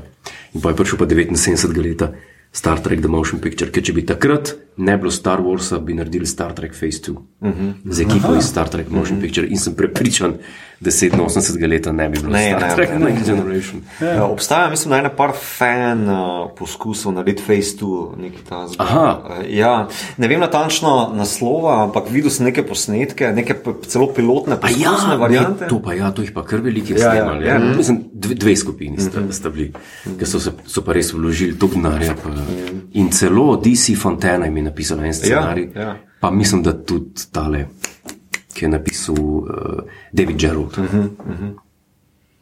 Ja. Pa režiral jim je Čekov eno. Oziroma, Ja, pa eh, ti moraš špilati noter, ki igra um, Tuvoka ne, v Voyagerju. Tako da tudi igralci, resni, ki so pač v Ja, ja, so prišli. kanonu, so prišli fanom v bistvu igrati. Tako. Tega ne vidiš Ne, ne, tega ni. v, v franšizi. Tega Star Wars nima. Ne, ker te bi Disney stožil. Pač. Ja. Pa predtem je že Lukas, tako da ja. No, jaz mislim, da je zdaj eh, skrajni čas, da se lotimo naših najljubših, uh, treh najljubših epizod. Zmenili smo se nekako tako, da seveda dve samo povemo, uh, ta tretjo pa, pa uh, mal podrobneje razložimo, pa ker ima gost vedno pri nas prednost, je Jure tisti prvi, ki bo predstavil izbor svojih treh. Eh, Na tretjem mestu je Captain's Holiday. Super. Aha. tretja sezona, 19. del. Na drugem mestu, zakaj sem povedal? Ja, ja, super. Druga je, na drugem mestu je Frame of Mind, šesta sezona, 21. del, ker se mi, ker se mi je zdela pa ta ideja. Tako me je prevzela ta ideja, um, ki je Rajker, se pravi, njihov med tem delirijem, ki je vadil eno igro. Mm -hmm. V bistvu so ga pa eni vesoljci so neke eksperimente na njem izvajali, ni vedel, kaj je res in ni vedel, kaj ni res. Mm. In to me je tako šokiralo, tam, ko enkrat končaš to igro, pa se preklon, pa še biti publiko, pa se preklon, pa je pa v nekem laboratoriju. Not. Ja, ja. To me je tako naredilo, ko sem prvič to gledal. Je tako Ta zelo je kar, psihedelična. kar disturbing. je. Ja, ja, Tako disturbing, mm. da to je bilo šesta sezona, je ogromen disturbing mm -hmm. epizod. Mm. Tam sta se razpištola Braga, pa Menoski. Te, Ja, mislim, da tudi Twin Peaks, pa take bolj odpuljene stvari so takrat ven prihajale na TV-ju, tako da je bilo že sprejemljivo Ja. ja. toliko eksperimentirati. Mm. Plus, ko že toliko dobro poznaš like, lahko res bolj ali manj katero koli štorijo jim daš, pa kako se bodo oni ja. znašli, pa tudi igralsko in, in vse odlično rešili. Ja, ja Frakes je tle odličen. Um, To je njegova vloga. mojem, Ja, čisto, ta epizoda. No, na prvem mestu pa The Best of Both Worlds. Tretja. Zakaj? Zdaj še za- Zakaj? Bojem pa povedal, zakaj. Ker mislim, da sem ne sanja. Ne, iskreno, um, to se danes dogaja na televiziji ogromno. Se mi zdi, da je ena serija in gre zelo hitro na nož. Spoznaš like in že v naslednji epizodi ali jih ful pomre, ali se tako destabilizira, da je nekaj tako norega, da morajo ukrepati vsi. Da nekaj, kar te sklopta, da ti gledaš naprej, ker tako kot si rekel, prej zdaj je streamanje. Če ne dobiš gledalca, ga ne boš imel v naslednji epizodi. Uh, Prva sezona spoznavaš te like, ti si rekel, da si rabo pet delov, da si Tako nekako, ja. prišel noter. No, pomisl po treh sezonah, ti je to familija. Ja. Potem se pa zgodi The Best of Both Worlds, ki se pa do te mere zamaja vse skupaj, da pa rečeš, ojoj, to je pa možnost, da pa te ljudje, ki jih imam tako rad, pa ne bojo preživeli. Vse se dogaja prej, so je kjuhu, spoznajo, eh, ampak tam ni tako, tukaj pa Picarda ugrabijo. In zadnji kader, Picard Borg, bil je asimiliran v eno raso, za katero veš, da si enkrat asimiliran, ne moreš nazaj. In to je, men, to je tisto, kar mene prevzame, ko mi nekdo nekaj, nekaj da za moje, uh -huh. potem pa reče, zdaj ti bomo pa to vzeli. To, to je meni men definicija dobre televizije Ja, ja. in manipulacije. Ne, Meni je uh, malo je drugače gledati danes, to kot pa takrat, ko je bil season res. cliffhanger. Tako. Uh, konča se, ker Rajker pogleda zelo resno uh, v ta modri ekran in ja. reče: Fire. Ja. Ne? Po vrhu, do takrat Borg, se za Borge ni vedelo, da oni asimilirajo, za njih je bil to šok. Ja. Treba zavedati, da v bistvu oni niso vedeli, da ja, Borgi si tako naberejo te delovno silo. ne. A, in ko se lokuto spojavi, so bili vsi tako, what the fuck. To je za nek nov šit, ja. kar naenkrat nam naš fotor, TV fotor govori, uh, asimilirano, vas bomo upiranje, brez veze, da je dol orožje. a ne. In pika, ja, Cliffhanger je v bistvu, po mojem, bilo to norišnica. No. To je bila tisto celo norišnica. poletje norišnica. ne. Ja. 91, 90, 91, Ja, ja, ja. ja. mislim, da je bilo to. In je, se pravi, zadnji kader, Mr. Wolf, Fire, Ja. um, Cut. Je, je, boljše, je boljše epizode, tako nasplošno izmed mm -hmm. televizijskih epizod, kjer jih yeah. uh, kot ta, ker, ker je tako, tako paniko, tako paniko naredi. Ja, no to je meni eh, zanimivo, ker jaz si to predstavljam, pač kako je moglo to fene. Uh -huh. To je enako kot ko sem gledal prvi film. Ko pokažeš eh, Enterprise in si tako, ki prav dobiš tisti srh, uh -huh. ki naenkrat vidiš, oh, fuck, gledaj to ladjo, pa na te film je, ki je čist drugač, vse je, produkcija je, value produkcije je čez streho in vse to. In si sem tako, koliko je moglo to ljudi. Ko so bili, ko so v kino prišli, pa so bili tako, fuck, film je in je tako, Enterprise pokazal, pogledajo, Ja, ja. nekaj še tako reče, kao, kar gleda pač to lepotico, ali karkoli že in pol ta ladja in si sam tako, o moj bog. To je čist res. Mene samo zanima, in to bi vprašal enega, ki ni fan Star Treka, ker če si fan Star Treka, nisi objektiven. Ker, ker name, čakaj, jaz sem gledal epizodo The Next Generation, The Royale, druga sezona pa mi je bila kul. Cool. Ja, tudi, tudi meni. Še posebej, ko deta tam le kocka. Ja, in me zanima, ker epizoda Unimatrix Zero, kjer se podobno zgodi, je mene tudi fascinirala. Zdaj me pa zanima, ker so v bistvu isto stvar ponovili kot The Best. Zdaj ne? Sorry. Mislim, v redu je, bom preživel. Uh, ampak me je bilo tudi tisto všeč. In me zanima, če za tudi ne fena uh, reče, uh, to je pa tudi drugo kul cool radar, ker so čisto ker so čisto isto stvar ponovili še enkrat. Ja, vidva nista tako. Ja. Unimatrix Zero. Veš kaj, In Uni, isti cliffhanger. Unimatrix Zero One um, ima ene podobne nastavke, samo mislim pa, da vseeno zaradi teh drugih likov, pa drugih dinamik drugače. pošlo. Meni je bil večji cliffhanger v uh, two-parterju Scorpion.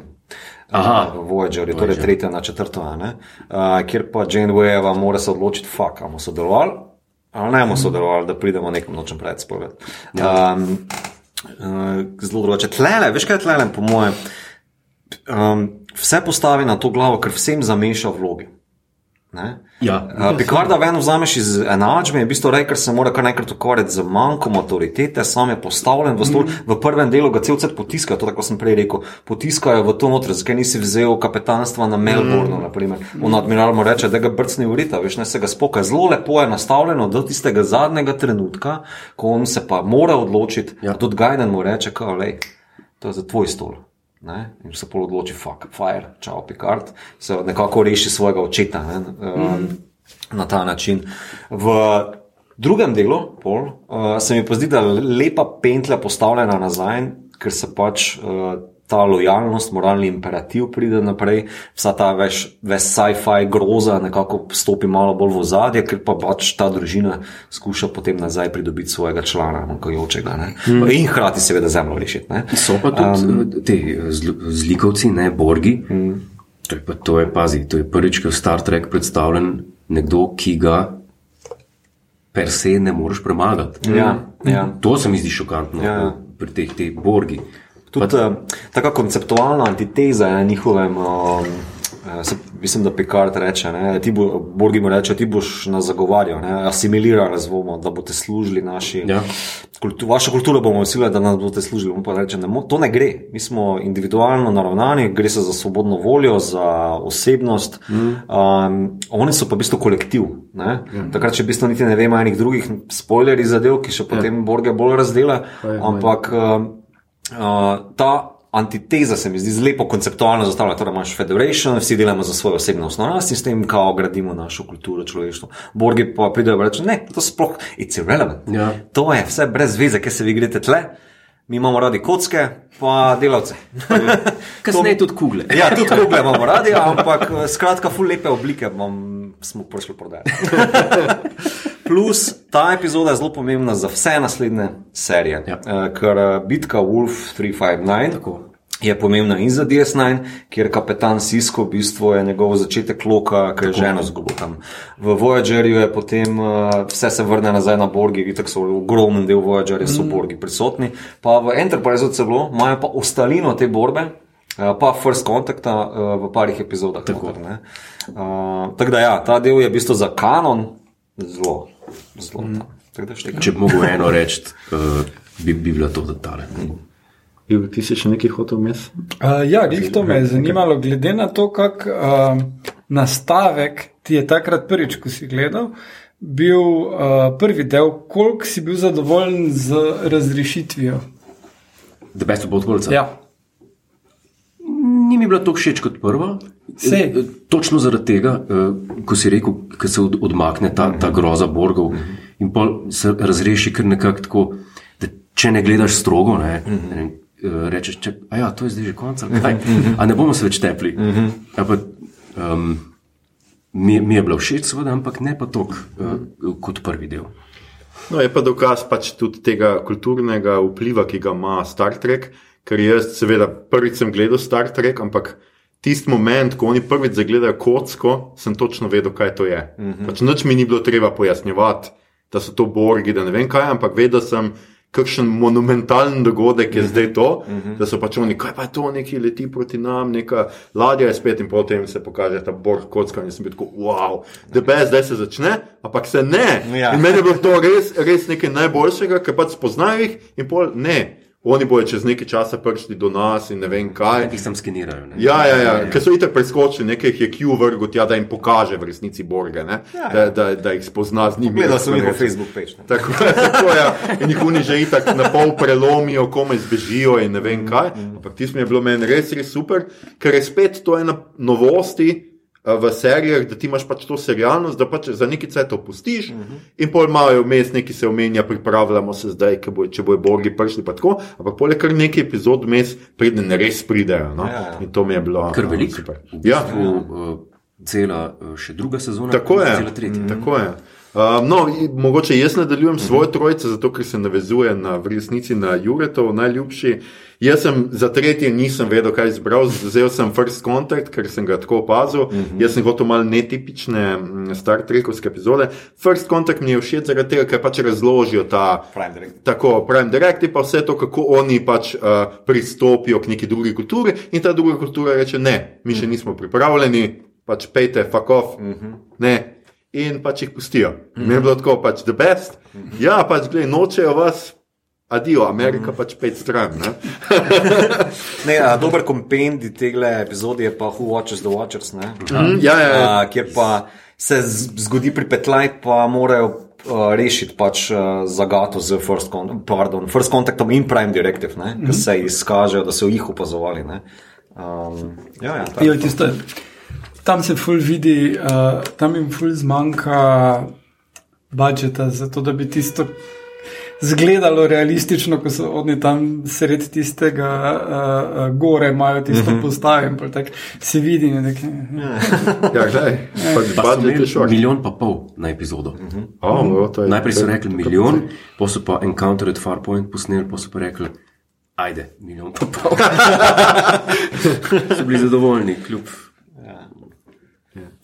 Skratka, druga moja najljubša je, sem dal The Measure of a Man, zdela se mi je pač tako druga sezona, deveta epizoda, nismo neki kar eh, danes zdaj že omenjali, skratka, Data in njegovo premerjanje, ali je človek ali ni, kakšne pravice ima. In to se v resnici doskrat še pojavi. Ne? Tudi ko Vesli izumi tiste nanorobotke, recimo, tudi ne vejo, kaj točno bi z njimi, ali so to zdaj nova bitja, potem so neki primitivni roboti v Exobots, rudniku.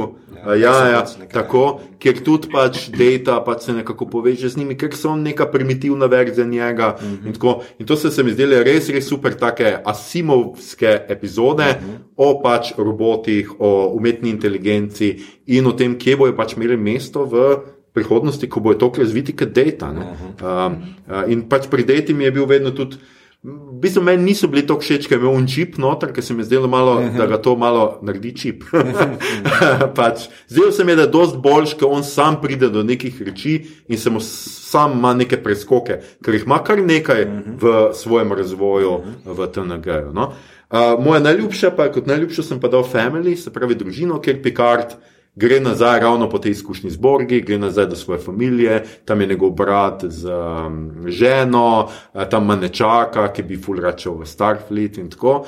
In je taka, ja, pač to ni science fiction, to je drama, Ja. ampak tam Patrick Stewart, ko, ko se na koncu zlomi, ko se stepeta za svojim bratom, uh -huh. ko se zlomi in pač kaj so mu delali, človeškost so mu vzeli, jaz sem se jokal zraven. No? To je bilo pa res tako.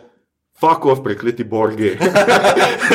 in to je to, kar je Jure povedal. Ne, Tista epizoda, ki te zadane, Ja. ampak ta človeško, cena človeka, ki so jo se dovolj prikazati, epizodo pozne, to je bilo pa meni tako, wow, jaz re- tle res gledam nekaj ful dobrega. Tle pa, tle pa sem bil res že totalno pač. Ne, jaz sem dosmrten fan. Absolutno bom to še enkrat uh, vse pogledal, pač, ko bom prišel do konca, po mojem bom kar od začetka spet začel. Pač noro, noro, noro mi je bila ta pač epizoda. In ja, in ravno zaradi tega, ker se mi je zdela, da je tako netipična, pa da so si upali privoščiti to, ker si jaz sem pripričan, da v originalni nihče ne bi upal privoščiti, da v enem delu ni nekih. Ja, nekih pošastkov ali pa nekih e- grdih alienov, pa da jih krk mal ne prebuta. pa. Ja, da bi krknil dramski vložek. Ja, ja, recimo, ne. In tle notem je bilo pa tako. Moja bi skoti sam pogledal, bo šel malo spit, če ne, fuck. Tako da, ja, to pa všeč mi je, bilo, v resnici so mi zelo všeč te zemeljske epizode. Uh -huh. Star Trek, ker pač malo vidiš to civilizacijo, malo vidiš, Ja. ja. kako oni živijo, uh -huh. kar ponovadi pač se na Enterprise vse malo izognejo. Ne pač ja, nimamo denarja, uh -huh. vse je v redu, ampak kako to funkcionira v živo, uh -huh. pa vidiš, uh, vidiš tle, ker oni sicer itak kuhajo in vse delajo po starem, ne, ne Ja. uporabljajo replikatorje. No. Tudi to se mi je zdelo tako zelo. Ja, to je Picardova familija. hipsterjev. Ja, ja, ja, ja, prav vidiš. No. Skratka, zato sem jaz to zbral in je pač to je bila res. Uh, tle pač v četrti sezoni pa si res rečeš, fuck off, jaz gledam tle nekaj najboljšega. Yep. Uh, kar je zgodovina TV-ja dala, pač to je in tle pač mm -hmm. od takrat naprej se pač imam za trekija in ne moreš več ven. No. Ja, ta epizoda je tudi, uh, v bistvu, tako kot sem prej omenil, ne, ena izmed prvih, ki nekako da ta posledico prejšnje epizode. Ja, ne, ja, ta, prav ki to. dela iz epizode na nizanko, ne, ki se navizuje. Pa, Se, konc koncev je to uh, zadeva, ki Picarda jebe do filma Ja, ja, First to to. Tako je, ja. Ja. To, ni, to, je, to je trajna rana. In tudi v seriji Picard. Ja. A ja, Na zadnje, ne? točno, je, ja. je tudi ključen element. In še bo zgledano, če ja. Ja. sem jaz tudi malo druga sezona, zdaj ko sem videl ja. trailer, pa razumel ene stvari ven, se še ne nehaja. Ne, A je že trailer? Ja, je bil že trailer. Ja, takoj Delensi pride, gor, pa mu reče, uh, the trial never ends. Ja. A, ne, to sem videl samo nek znak, Enterprise, mm -hmm. neki pa ta zvok. A zdaj je prav trailer. Ja, zdaj, Ja, ja, zdaj je že trailer. oh, um, ne, bomo. Skratka, uh, um, Igor, ti si, ti si naslednji. Ja, ok, uh, dobro, zdaj za tretje zadeva. Igor je se- izbral vse. Kar je tretjo, še četrto sezono mi spakiramo. Uh, ja, za sabo. eh, v bistvu nisem mogel se prav zares odločiti uh, in sem zbral tri čist različne. Sem na hitro Hero Worship, kjer ima data tistega mm. otroka krasno. Čudo, Čudovit data del, uh, mm -hmm. da nekaj dnov je komičen. Uh, Ful vredno narejeno, kar je mene bolj presenetilo, ko sem kasneje gledal, da to drugi del. Jaz bi pričakoval, da to daš nekako proti koncu sezone, ko se že poznajo.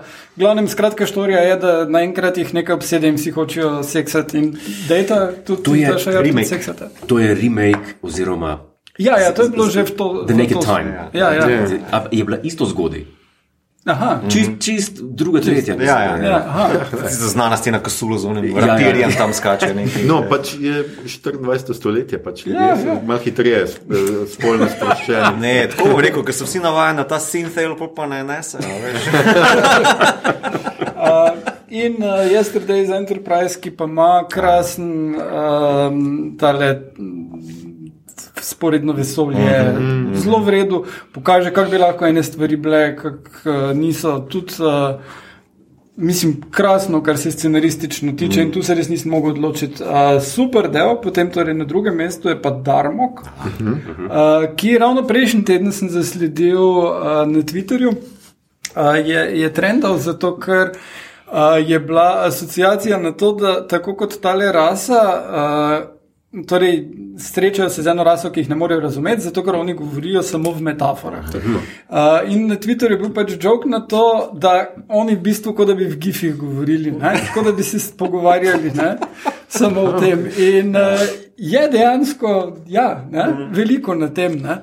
Uh, kot lingvistom je bilo to ful zanimivo. Uh, se mi zdi, da tako kot je izpeljano, je malo simplistično uh, in uh, je malo podobno uh, prikazano v filmu 13. bojevnik, Aha. kako se on nauči. Tam Antonijo Banderas igra arabca, ki se znajde med vikingi in se nauči njihovega jezika, in, in je krasno posneto. To je mm. daleč najboljša scena v filmu, ki so okrog ognja in oni govorijo svojem jeziku, in ti slišiš pač neki nors, in potem vsake toliko kakšna beseda ven pade, ker z njegove perspektive gledaš angliška, in na koncu jih razume, mm -hmm. do konca večera in potem jih nad- nad- nadere. Ja. Um, da, da pač kar dogovorijo njegovi mami. Uh, ampak uh, tukaj je malo podobno prikazano, ampak dosti bolj klamzi. Uh, Je mi pa bila všeč ful ideja tega drugačnega lingvističnega koncepta, pa hkrati me je malo zmotilo, da, da Data ni bil zmožen tega zaštekati, kar ne, bi vseeno lahko. No, dobro, metafore so problem za Ja. AI, vedno. Ne? Ja. Da, glej. Dobro. Ja. Ja. Ja, meni je všeč, ker v bistvu ta del je fail za komunikacijo. ne. Um, ker ja. on, kapetan te rase, se je žrtvoval za to, samo tako kot Pikard reče, on se je samo želel pogovarjati. Ne. Oni so Ja. želeli zgolj stik imeti, ne. isto željo so si delili, samo niso se mogli pogovarjati. Ne. Ja, ja. Tak Da, ima, ima pa, meni je pa ta epizoda super zaradi že vseh tih citatov, ki ne pomenijo fucking nič, ampak kao sokat, his eyes open. Oh, ja. Ja. Temba, on the table, ne, ja. on the sea. veš, On kao. the sea, ja, mislim, da je Ja, nekaj tako. Jalat on the ocean. Ja. What? tak, Me- meni, je, meni je super sci-fi uh, koncept, fenomen. Ja, ja. Super je. Uh, mislim, kot lingvistu mi je to mm. bil uh, res krasen del. Uh, in uh, kar ne vem, da, zakaj ni povsod napisano, Darmo, ki je nazaj prebrano, je Comrade. In, A ja, komrad. Ja, Res. Ja. Meni se je zdelo tako čisto vest. Ja. Komunizer je metaforičen.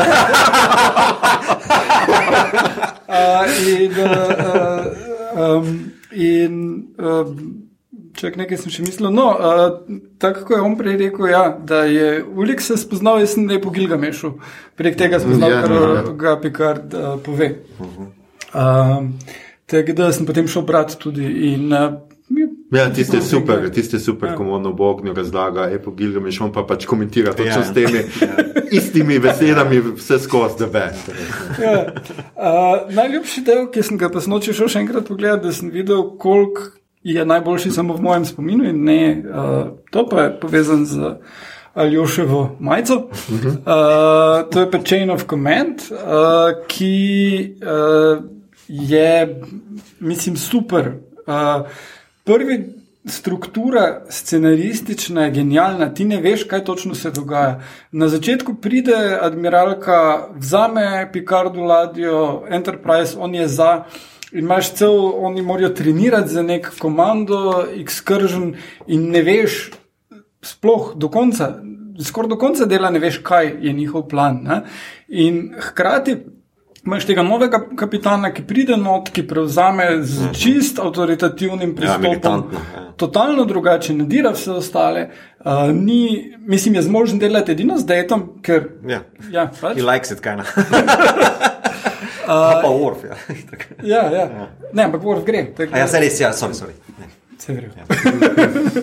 um, in potem se pač zaključi s tem, da ugotoviš, da, so, um, da, da, da je bila past vse skupaj, ta plan in Picarda ujamejo. In uh, potem v drugem delu uh, pač spremljaš, da ga ta tip uh, Kardashian in nekim uh, muči. In uh, uh, kar ga proba, uh, to je pol pač throwback na, na Orwella in 1984, ga proba prepričati, da bo rekel, da vidi pet luči. In uh, Čeprav vidi samo štiri. čeprav ja. mu pokažejo samo štiri. In tisto je, mislim, res, res dobro posneto, spet mm. odlična igra Patrika Stewarta, tudi odlična igra tega njegovega soigralca, mm -hmm. ki mislim, da je dejansko na tej točki bil že tretjič v Star Treku, samo pač vedno je bil pod dovolj Ja, masko. igral je v Star Trek uh, Final Frontier, oziroma petki, Ja, ja, ne? tam ja. um, je igral enega Romulanca, če se ne motim. Aha, novemu planetu, ko so Ja, bili Nimbus, Nimbus. Ja, ja. ja, ja. Mimo grede, eh, st- Picard je method actor. Ja, In je bil tle res nag. ja, ja. ja. Mislim, da Ja. ali je to, ali, ali Ja, je, ja, je bil ja. na robe Dodatno, še dodatno, on je za pripravo na to vlogo od Amnesty International pridobival posnetke Ja. ja. mučen. Ne. Zato, da se Ja. ja, To pa nisem noter. Ja, ja, čist, Ja. ja. popolnoma je šlo.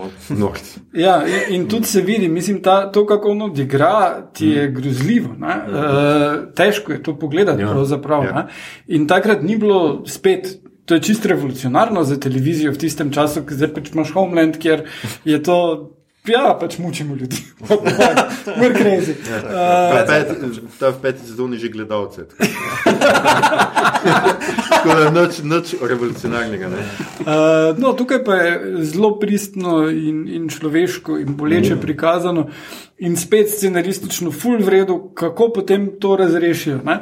Kar se mi je pa zdelo, da je ena stvar, ki bi jo dan danes. Uh, Ne vem zdaj dovolj o tem, ali je bilo že takrat mogoče kak nastavek, ampak dan danes bi pa eno stvar zihar spremenili, če bi ta scenarij dobili. In sicer ta kapitan, ki prevzame Enterprise, ima uh -huh. tam slike svojega sina. On ima cel cel tiste risbice, so to je mogoče slon, karkoli, pol so že obešene na steni tiste risbe. Nič drugega ne znemo o njegovi familiji. Dan danes, če bi to delali, bi imeli baron zimo sceno in bi ugotovili, da je njegov sin mrtev in da on hoče štartati vojno. Definitivno bi to dali dol. Ja. S tem, da ne bi, zato ker so ta koncept ponudili v um, The Wounded mm -hmm. epizodi, kjer je v bistvu bilo isto. predtem? Ja, predtem je bilo. Uh, gre se o uh, Starfleet uh, kapitanu, Ja. ja. ki dela za mejo pri Kardashianih uh, štalov, pol pa ga Picard mora uloviti in pol skužiti, da se bojo zmešali, zato ker mu samo Kardashiani v bistvu. Ja. Tal familijo, pa tako No, naprej. Tako da, to sem pozabil, plus mislil sem, da, da zato je imaš mene. kasneje. da- Uh, no, ampak mislim, da je setup z, z risbami je zato, da pokaže, da je on kao mm, good guy. Ne? Mm, ne, da je on crazy, ampak sodobne perspektive ful težko to vidiš. Je ta epizoda ima, mislim, da dobro opelje noter kot ta different captain style varianta, mm. ker tudi Riker tega ne požere, mislim, ja. da ga celo odpusti, ne, oziroma Ja, ja, ja, ja. suspendira. Ne. Ja, tle se vidi, kdo Picard je. resnici, Ja, ne. kakšen lider je, ne? pa Ja. kako, so, Ja. kako so on začeli skupaj delati kot družina, tako naprej, da ni zgolj hierarhija pomembna, medtem ko ta Captain Jericho, ali kako je že, ne, če se ne motim. Ne, Jellicle, uh, kar mi je itak bilo histerical, mm. ker je pač. Uh, Cats, musical, Aha. so Jellicle Cats. In, okay. in v bistvu je čist tu zdaj. Ja. Okay. Ga nam boš res najemati, če nima repa. Uh, tako me je spomnil ta kapten na nekega res hardcore hothead krka. Naprimer, tako ima pogajalske fore za mizo z uh, Kardashians, uh, on kar neki toče po mizi, pa gre ven, pol se pa smeji za vrati, haha, zdaj pa Ja. ja. pustimo malo kuhati, ja, ja, pa gremo nazaj, pa mu ja. zjabr sceno, pa nekaj. Ja, in nič mu ne rata. Ne. ne. Ne. Uh, ja, ta do best. Ja. Ne, meni tudi ja, je ena najboljših, pa pač ta res mi je ta psihološki prijem tega mučenja, ne, ker te hočejo res zlomiti s tem, mm. da ti vidiš resnico, pa rečeš, da, ni, da je res nekaj drugega. Ne. Ja. To se mi zdi tako. Tako gaslighting. a veš? Ja, je ja, tak to, če kdo ne ve, kaj je gaslighting. Ja, moment. ne, ampak gaslighting je, vem, no. uh, gaslighting je, mora biti bolj subtilen. Uh, Jaz sem Kardashians v tej epizodi niso tako so. Se, sicer je pa tudi en ful dober, uh, ker Chain of Command naslov, eh, sem se takoj spomnil, v Firefly imajo en uh, super citat, George Vidon, seveda, super citat, do you know what Chain of Command is? It's a chain I beat you with until you know who's in command. Skratka, to pikar absolutno ni in tle pač Ja. imamo. Ne, super se mi zdi. Uh, Mito, zdaj si pa ti na vrsti, kako si se pa ti odločil za svoje tri? A, jaz sem pa samo take nenasilne, ali pa je ges malo nasilne. uh, tretja mi je uh, The Drumhead uh, iz četrte sezone, Ja, ja, 20. ja, Ja, del. Tam je super, ker je nekako, uh, dosta taka proceduralka je, sodnija, uh -huh. uh, kjer v epizodi v bistvu, uh, iščejo izdajalca, nekdo, ki je uh, izdajal podatke Romulancem. In uh, pride neka sodnica, pravnica, tožilka, whatever bomo temu rekli. Mislim, da je ena ful huda igra, pozabil sem pa Ja, njeno ime. pozabil.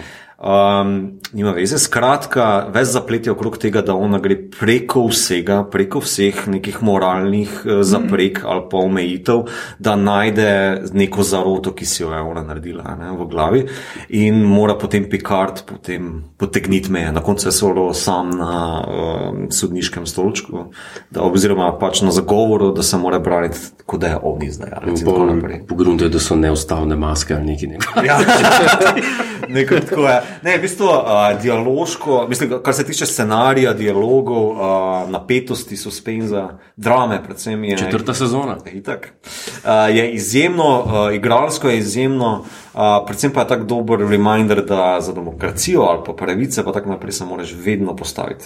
Uh, pa boriti. Tu, to mislim, da je glavna lekcija bila tega, da v bistvu, če bomo zapadli v paranojo, uh, pa iskali krivce, pa te velikega drugega za vsakim vloganom, bo nas vse popapca. Mm. Da to ta epizoda skuša zelo dobro prenesti naprej. Uh, drugi del. Um, je pa The Offspring, ki smo ga že enkrat omenili, to je pa ta del, kjer Data um, skuša narediti naraščaj, Ja. ja. sem tako izrazil, no? uh, in naredi hčerko Lal, uh, ki pa potem, rečemo temu, zboli no? in terminalno in on jo skuša rešiti. Je pa malo more nekih problemov noter, ki jih skušajo razrešiti, torej kaj pomeni v bistvu sploh starševstvo, ja. uh, kakšna je to odgovornost, kakšna je to odgovornost do, rečemo, enega in edinega posameznika neke rase, ki samo v dejtu obstaja, pa se skušaš to eh, v bistvu za nekako upgradati, se razmnoževati, imeti ta nek človeški moment, se, se Starfleet tudi takoj vklopi, pa reče, ok, kaj se pa ti greš, dajmo to pogledati, ne? je malo to zopet pravice dejte, ne? pravice, neke človeške pravice. Ja. Pa seveda tragičen zaključek, pač lal umre, da je ta skuša to rešiti, in pol imaš ta zelo, zelo lep uh, čustven moment na koncu, ko ima pogovor z uh, Rajkerom o žalovanju. Mm, res ja. priporočam ta del. Uh, glavnega sem pa res pustil, da ga bi kdo drug izbral, pa ga ni, je pa The Inner Light, ko vedno kotiram kot en najboljših Star Trek uh, TNG epizod. Mi je pa zraven tega, kar najbrž večina, ki to posluša, ve, mi je pa super, zato ker je Picard postavljen v neko vlogo, ki pa njemu ne pritiče. On, on ni oče. Mogoče oče kot navidezni oče svoji posadki, pa tako naprej. Tle pa je zaradi skenirane neke sonde vržen v komo, kjer on uh, preživi 50 let v roku parih minut. Uh, zato, da osvoji, pa da se nauči nekaj o novi kulturi, hkrati pa mora opustiti vso svoje prejšnjo življenje, uh -huh. upriti, da zaživi nekaj novega. Mora nekako spustiti svoje hrepenenje po bivšem življenju, mora postati oče, mož, uh, se boriti proti podnebnim spremembam, uh, z birokracijo. Tako naprej zelo čudovit del je, ki nekako pokaže uh, uh, lik v novi luči. No, Pa noro dober soundtrack. Tudi to, tudi to. Uh, ostanemo tale piščal, Ja. uh, ki ga zasleduješ potem po vseh filmih, tako naprej. Um, pa uh, predvsem ta izjemna igra Patrick Stewarta. Ja. Um, en ta boljši, res. Ja, Vsaj meni. absolutno. Vsi smo navdani z notranjim svetlom, zdaj le. Uh, ja. Zdaj pa uh, je čas za Star Trek. Ja. A ja, okay. Mi to s čim boš primerjal, uh, Star Trek, TNG? Deep Space Nine. Um, ja, zdaj, bili smo kar dolgi, gotovo pa nismo povedali vsega. Uh, nekaj vprašanj smo odgovorili na mašinih. Uh, če imate še kakšno vprašanje, lahko seveda odgovorimo pozneje, zdaj le, če ste tole poslušali.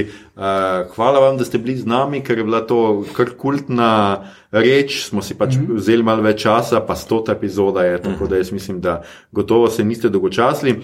Zdaj pa vseeno, seveda, um, četrto sezono uh, začenjamo tudi s tem, da povemo, kaj gledamo, kaj smo gledali čez poletje, še mogoče. Mi smo, hvala Bogu, imeli en uh, special vmes, tako da smo le večino stvari že povedali, ker se je vmes seveda napravilo nove uh, reči. Ampak spet ima gost prednost, skratka, Jure, kaj si v zadnjem času žanrskega dobrega videl, slišal, bral? Je, jaz sem postal eh, totalen fan, ne tako veliki, kot Star Trek, ampak serije Line of Duty, BBC.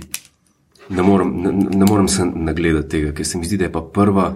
Prva To, to je ena proceduralna uh, drama, policijska, ki opisuje skupino antikorupcijske policije, se pravi Aha, okay. uh, antikorupcijski urad, ki preiskuje policaje.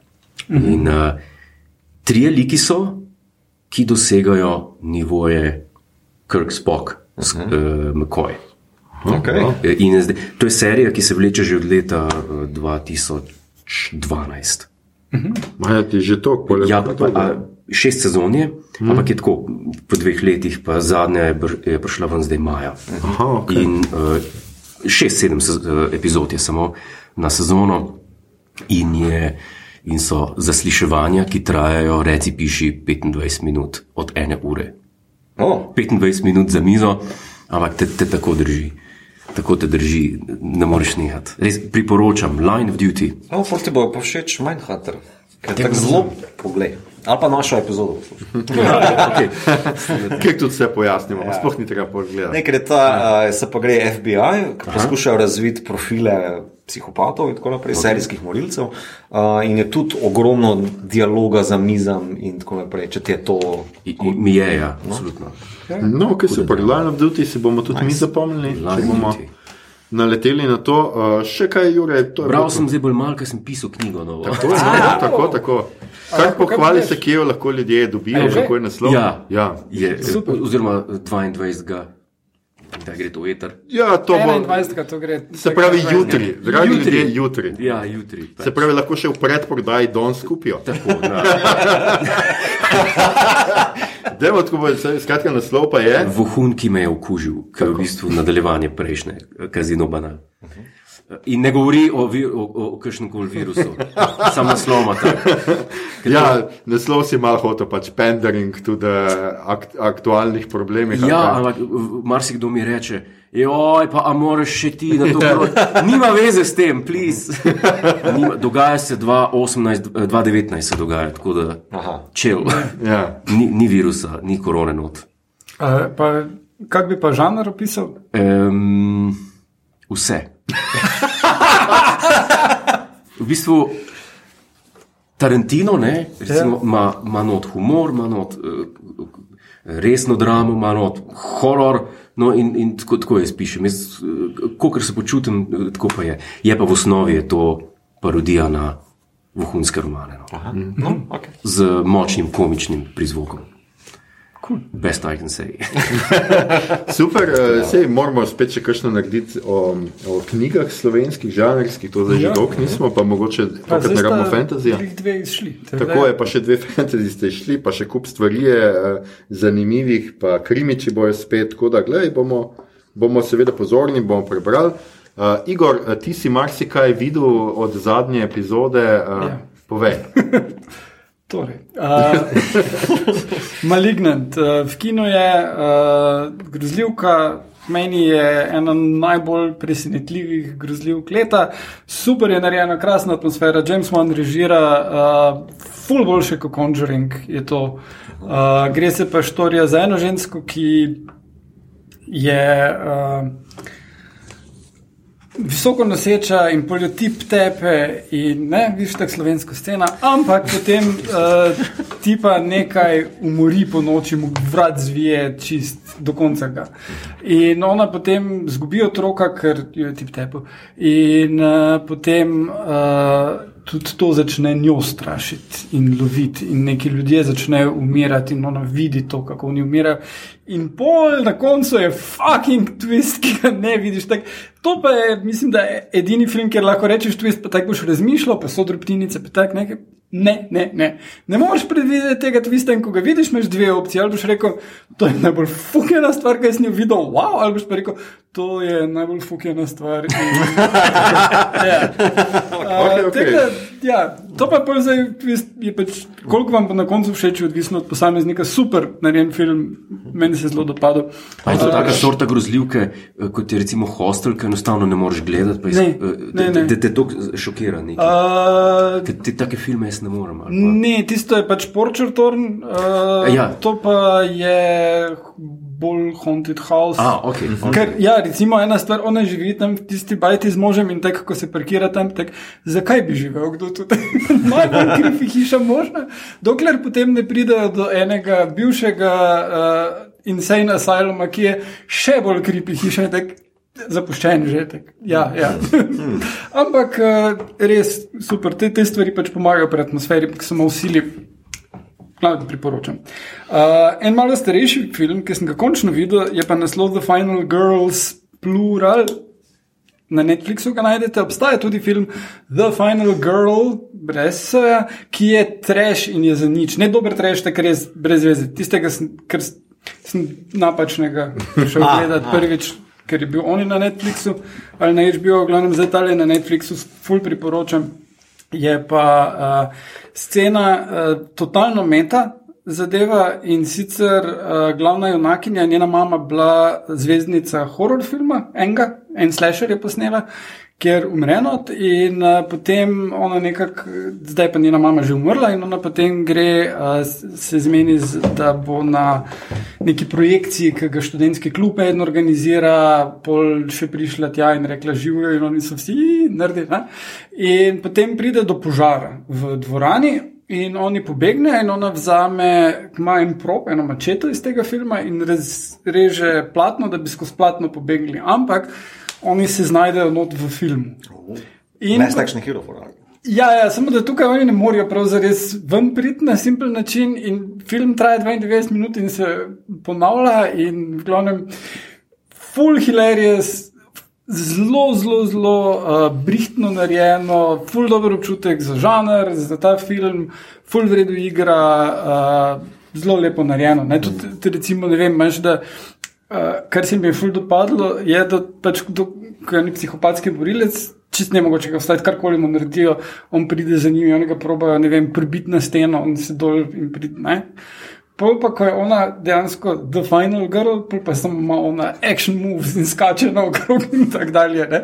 Prav uh, res lepo izvedeno. No? Uh, tako da to je na Netflixu. Gledal sem Shang-Chia, uh, mislim, Marvel se mi je nazaj prikupil po katastrofi, ki je Črna vdova. Uh, tole je res lušno. Ful dobr humor, ful vredo akcija, ful drugače posneta akcija. Martial arts, vredu narejen, recimo poleti je bil tudi uh, ono z uh, G.I. Joe, ki pač ima shaky cam. Akcija, ne, tukaj pa res, res dobro. In ena najboljših Marvelovih akcijskih scen, kjer so združili koncept Chase in uh, Hallwaya, ker je fajt noter v avtobusu, medtem ko ta drvi, ker ima bremze fuč po onih Okej. hribih San Francisca in mi je to definitivno najboljši San Francisco Car Chase, Sakit Bullet, jaz menim, da je Bullet overrated. No, no, če pa misliš, Eno Od uh, akcijskih komedij sem še gledal, končno Hitman's Wife's Bodyguard uh, in je boljši kot prvi del. Uh, Salma Hayek je Revelation, res že dolgo ni tako dobro igrala, ful je, dober humor. Uh, dejansko sta, sta Sam in Ryan Reynolds um, sta stranska lika ob njej, v bistvu, in je full vrejo narejeno. Ker v bistvu že v prvem filmu sta ona dva toliko over the top, da pač ne moreš nadgraditi tega, in so zelo lepo rešili uh, to nadaljevanje. Uh, in uh, pogledal sem do konca Brooklyn Nine-Nine, o čemer pa računam, da bomo naredili počasi eno epizodo. In naj rečem, da je zelo, zelo lep zaključek Okay. vsega skupaj. In da Se ne umrejo. ne. Ne boš videl. Boš videl. Tudi, tudi meni se je zdelo, zadnje dve epizodi, mislim, meni se sezona ni zdela tako blazno dobra, Ja. ja. zadnja, ampak zadnji dve epizodi sta pa tako. Uh -huh. To, kar imamo radi pri Brooklyn Ja. ja. Nine-Nine, se ponovi, vrne in izboljša. Okay. Ja, ne, se celo sezono se tr- trudijo stlačiti vse stvari not, ki v bistvu za fene. Ne? Tako imaš eno epizodo, ki je Dark Judy in tako dalje. ne. Ampak v bistvu koherenca jim pa zmanjka, ne? ker imata Amy pa Jack imata otroka, pa tek.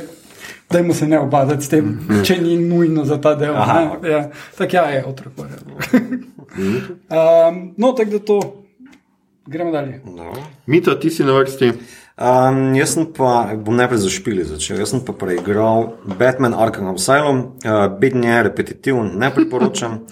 Uh, potem To je ta- prvi. drugi? Ta prvi za prvi, ja. PS3, ja. Tako da ne bom niti nadaljeval. ker Ne, so- ne, čist uh, izboljša se z Arkham City. Ah.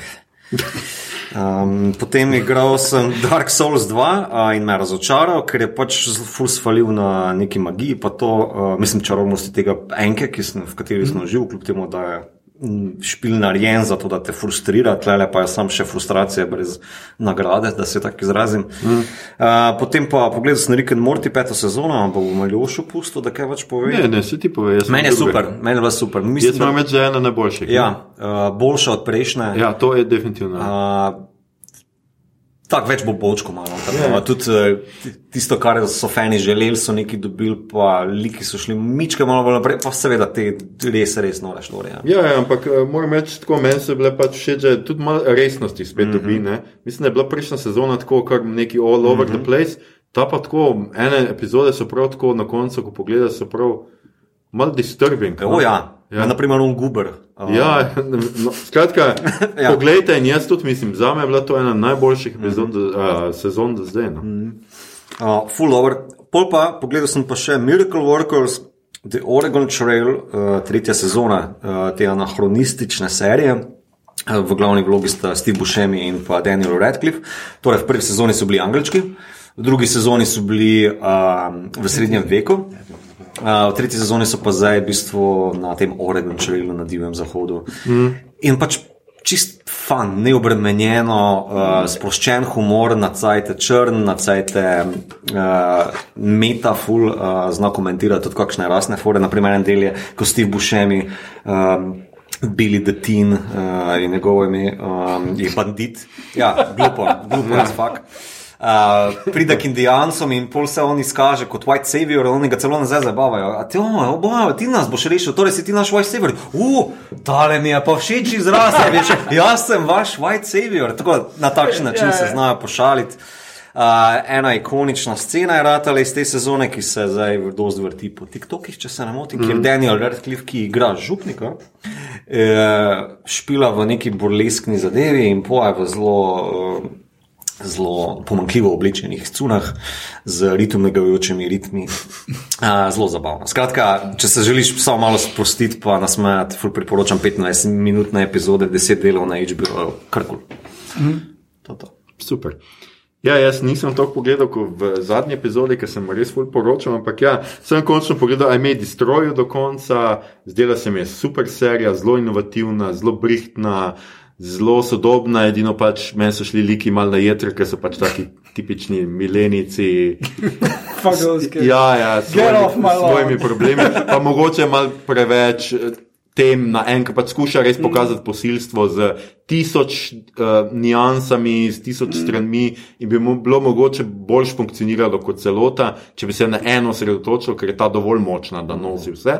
Ampak se mi je zdela pa uh, super, pač No, pa miniserija. Zadnji del je briljantni. Ja, ja, zadnji del je pa briljanten. Na HBO Go jo imate, ja. Ja. dokler še imamo HBO Go, kmalo pride HBO Max. Ja, Kmalu. naslednje leto. Naslednje leto ja. uh, potem sem pogledal do konca Lupina. Uh, se, zdaj, a je to drugi del prve sezone, ali je to že druga sezona, kakorkoli hočete to razumeti. In me je precej razočaral, moram reči, da so zelo pokvarili vse tisto, kar so nastavili v prvih. Uh, Uh, prvih delih, ker postane zelo akcijsko, zelo tako, on je nadoma nenadjebljiv, mm -hmm. James Bond, kind of karakter, mm -hmm. noč več ni nekih blaznih teh uh, potegavščin ali pa ja. kaj, vse nekako tako zelo simpel. Pol malo je te predbrisanosti, Ja, jo ja, je kazal prvem ja, delu. Ja. tako. In pač malo podreje tega izvir, izvirno predlogo, no se vse meni zdi. Pa pogledal sem končno četrto sezono Farga uh, in moram spet reči, da je Fargo ena mojih najljubših serij in da tudi četrta sezona, ki so jo zelo kritizirali, da ni bila tako dobra kot prejšnje, se meni zdela še vedno zelo, zelo kvalitetna. Um, Pač dva, dve mafijski družini, črnska in italijanska, se spopadata. Meni se je zdelo super. No, skratka, uh, tako, What's not to like? ja, not to like? ni dost krvi, je pa dost tega pač koenovskega, tarantinovskega aha, feelinga, aha. realnosti, pa tako, kar nek tornado je vmes, pa nekaj tako. Mislim, meni se je zdelo čist, čist uh, ok. In prišli smo res na konec epizode. Oh. Ljudje, ljudi ne, to je bila že naša stota epizoda. Poslušali ste podcast, ki se oglaša na ime Obod, podcast za serije, filme, risanke, špile in knjige vseh žanrov F do Z, ki ga gosti mreža Apparatus. Z vami smo bili. Jure, o kapitan, transporter se je pokvaril. Bodler, Mito, sodnija se nikoli ne konča. Gegic, Igor, he's a dick, hard. In Aljoša, ne nočemo pete stran, off, parlamo. Uh, tole epizodo smo posneli na novi lokaciji in sicer v Pionirskem domu v Ljubljani, ki se mu zahvaljujemo za gostoljubje. Hkrati vas vabimo, da si pogledate njegove dejavnosti, gotovo med njimi najdete kaj za svoje mulce ali zase, predvsem pa vabimo k obisku festivala otroškega mladinskega filma Zoom, ki se začne danes, ko tole poslušate. Pionirskemu domu pa se zahvaljujemo tudi za priložnost, da smo lahko za njih izdelali pojmovnik filmskega in televizijskega žanra. Ja, prav ste slišali, legende podcasta Obod znajo tudi pisati.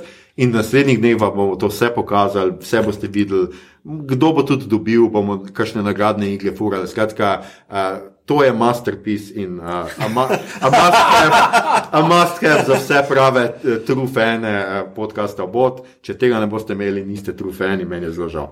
Uh, če vam je bilo všeč, kar ste danes slišali, delite, všečkajte naš podcast, naročite se nam preko vaše najljubše aplikacije oziroma ponudnika podcastov, dajte na kakšno ceno na Apple Podcast, spremljajte platformo Apparatus z odličnim izborom podcastov za vsakega. In če, se, in če ne boste v naslednjih treh dneh pogledali vsaj štirih epizod Star Treka, potem vas čakata življenjska smola in nesreča. Uh, ne ker bi mi imeli kakršno koli magično moč, ampak drugače ne more biti.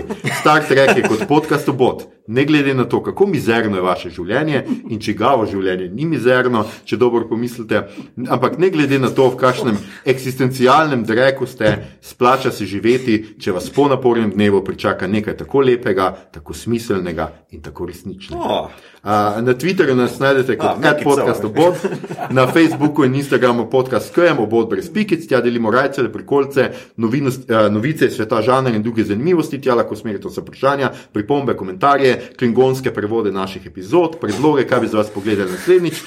To je bila že stota epizoda, prva epizoda četrte sezone, mi smo nazaj, nazaj smo tudi po standardnem dvotedenskem urniku, vse tako domnevam, ker smo, se nismo nič o tem pogovarjali. Ja, ja, ne. Concur. Ja, prihodnič naj bi delali cukor moža. Uh, nismo se še čisto odločili, ampak skratka, spremljajte naš uh, in uh, nekoč ga še lahko jamete v kinodvoranah, mislim, da se še ga da. Uh, skratka, hvala, da ste znova z nami. Ponovno se poslušamo 5. oktobra, naslušanje bodovci, kjerkoli že ste. Kapla. Srečno pa hvala za vabilo. Ja, hvala tebi, Jure, da si prišel uh, in da si sodeloval v tej sjajni debati z veseljem. Še kdaj. Jaz naj skoraj odmor.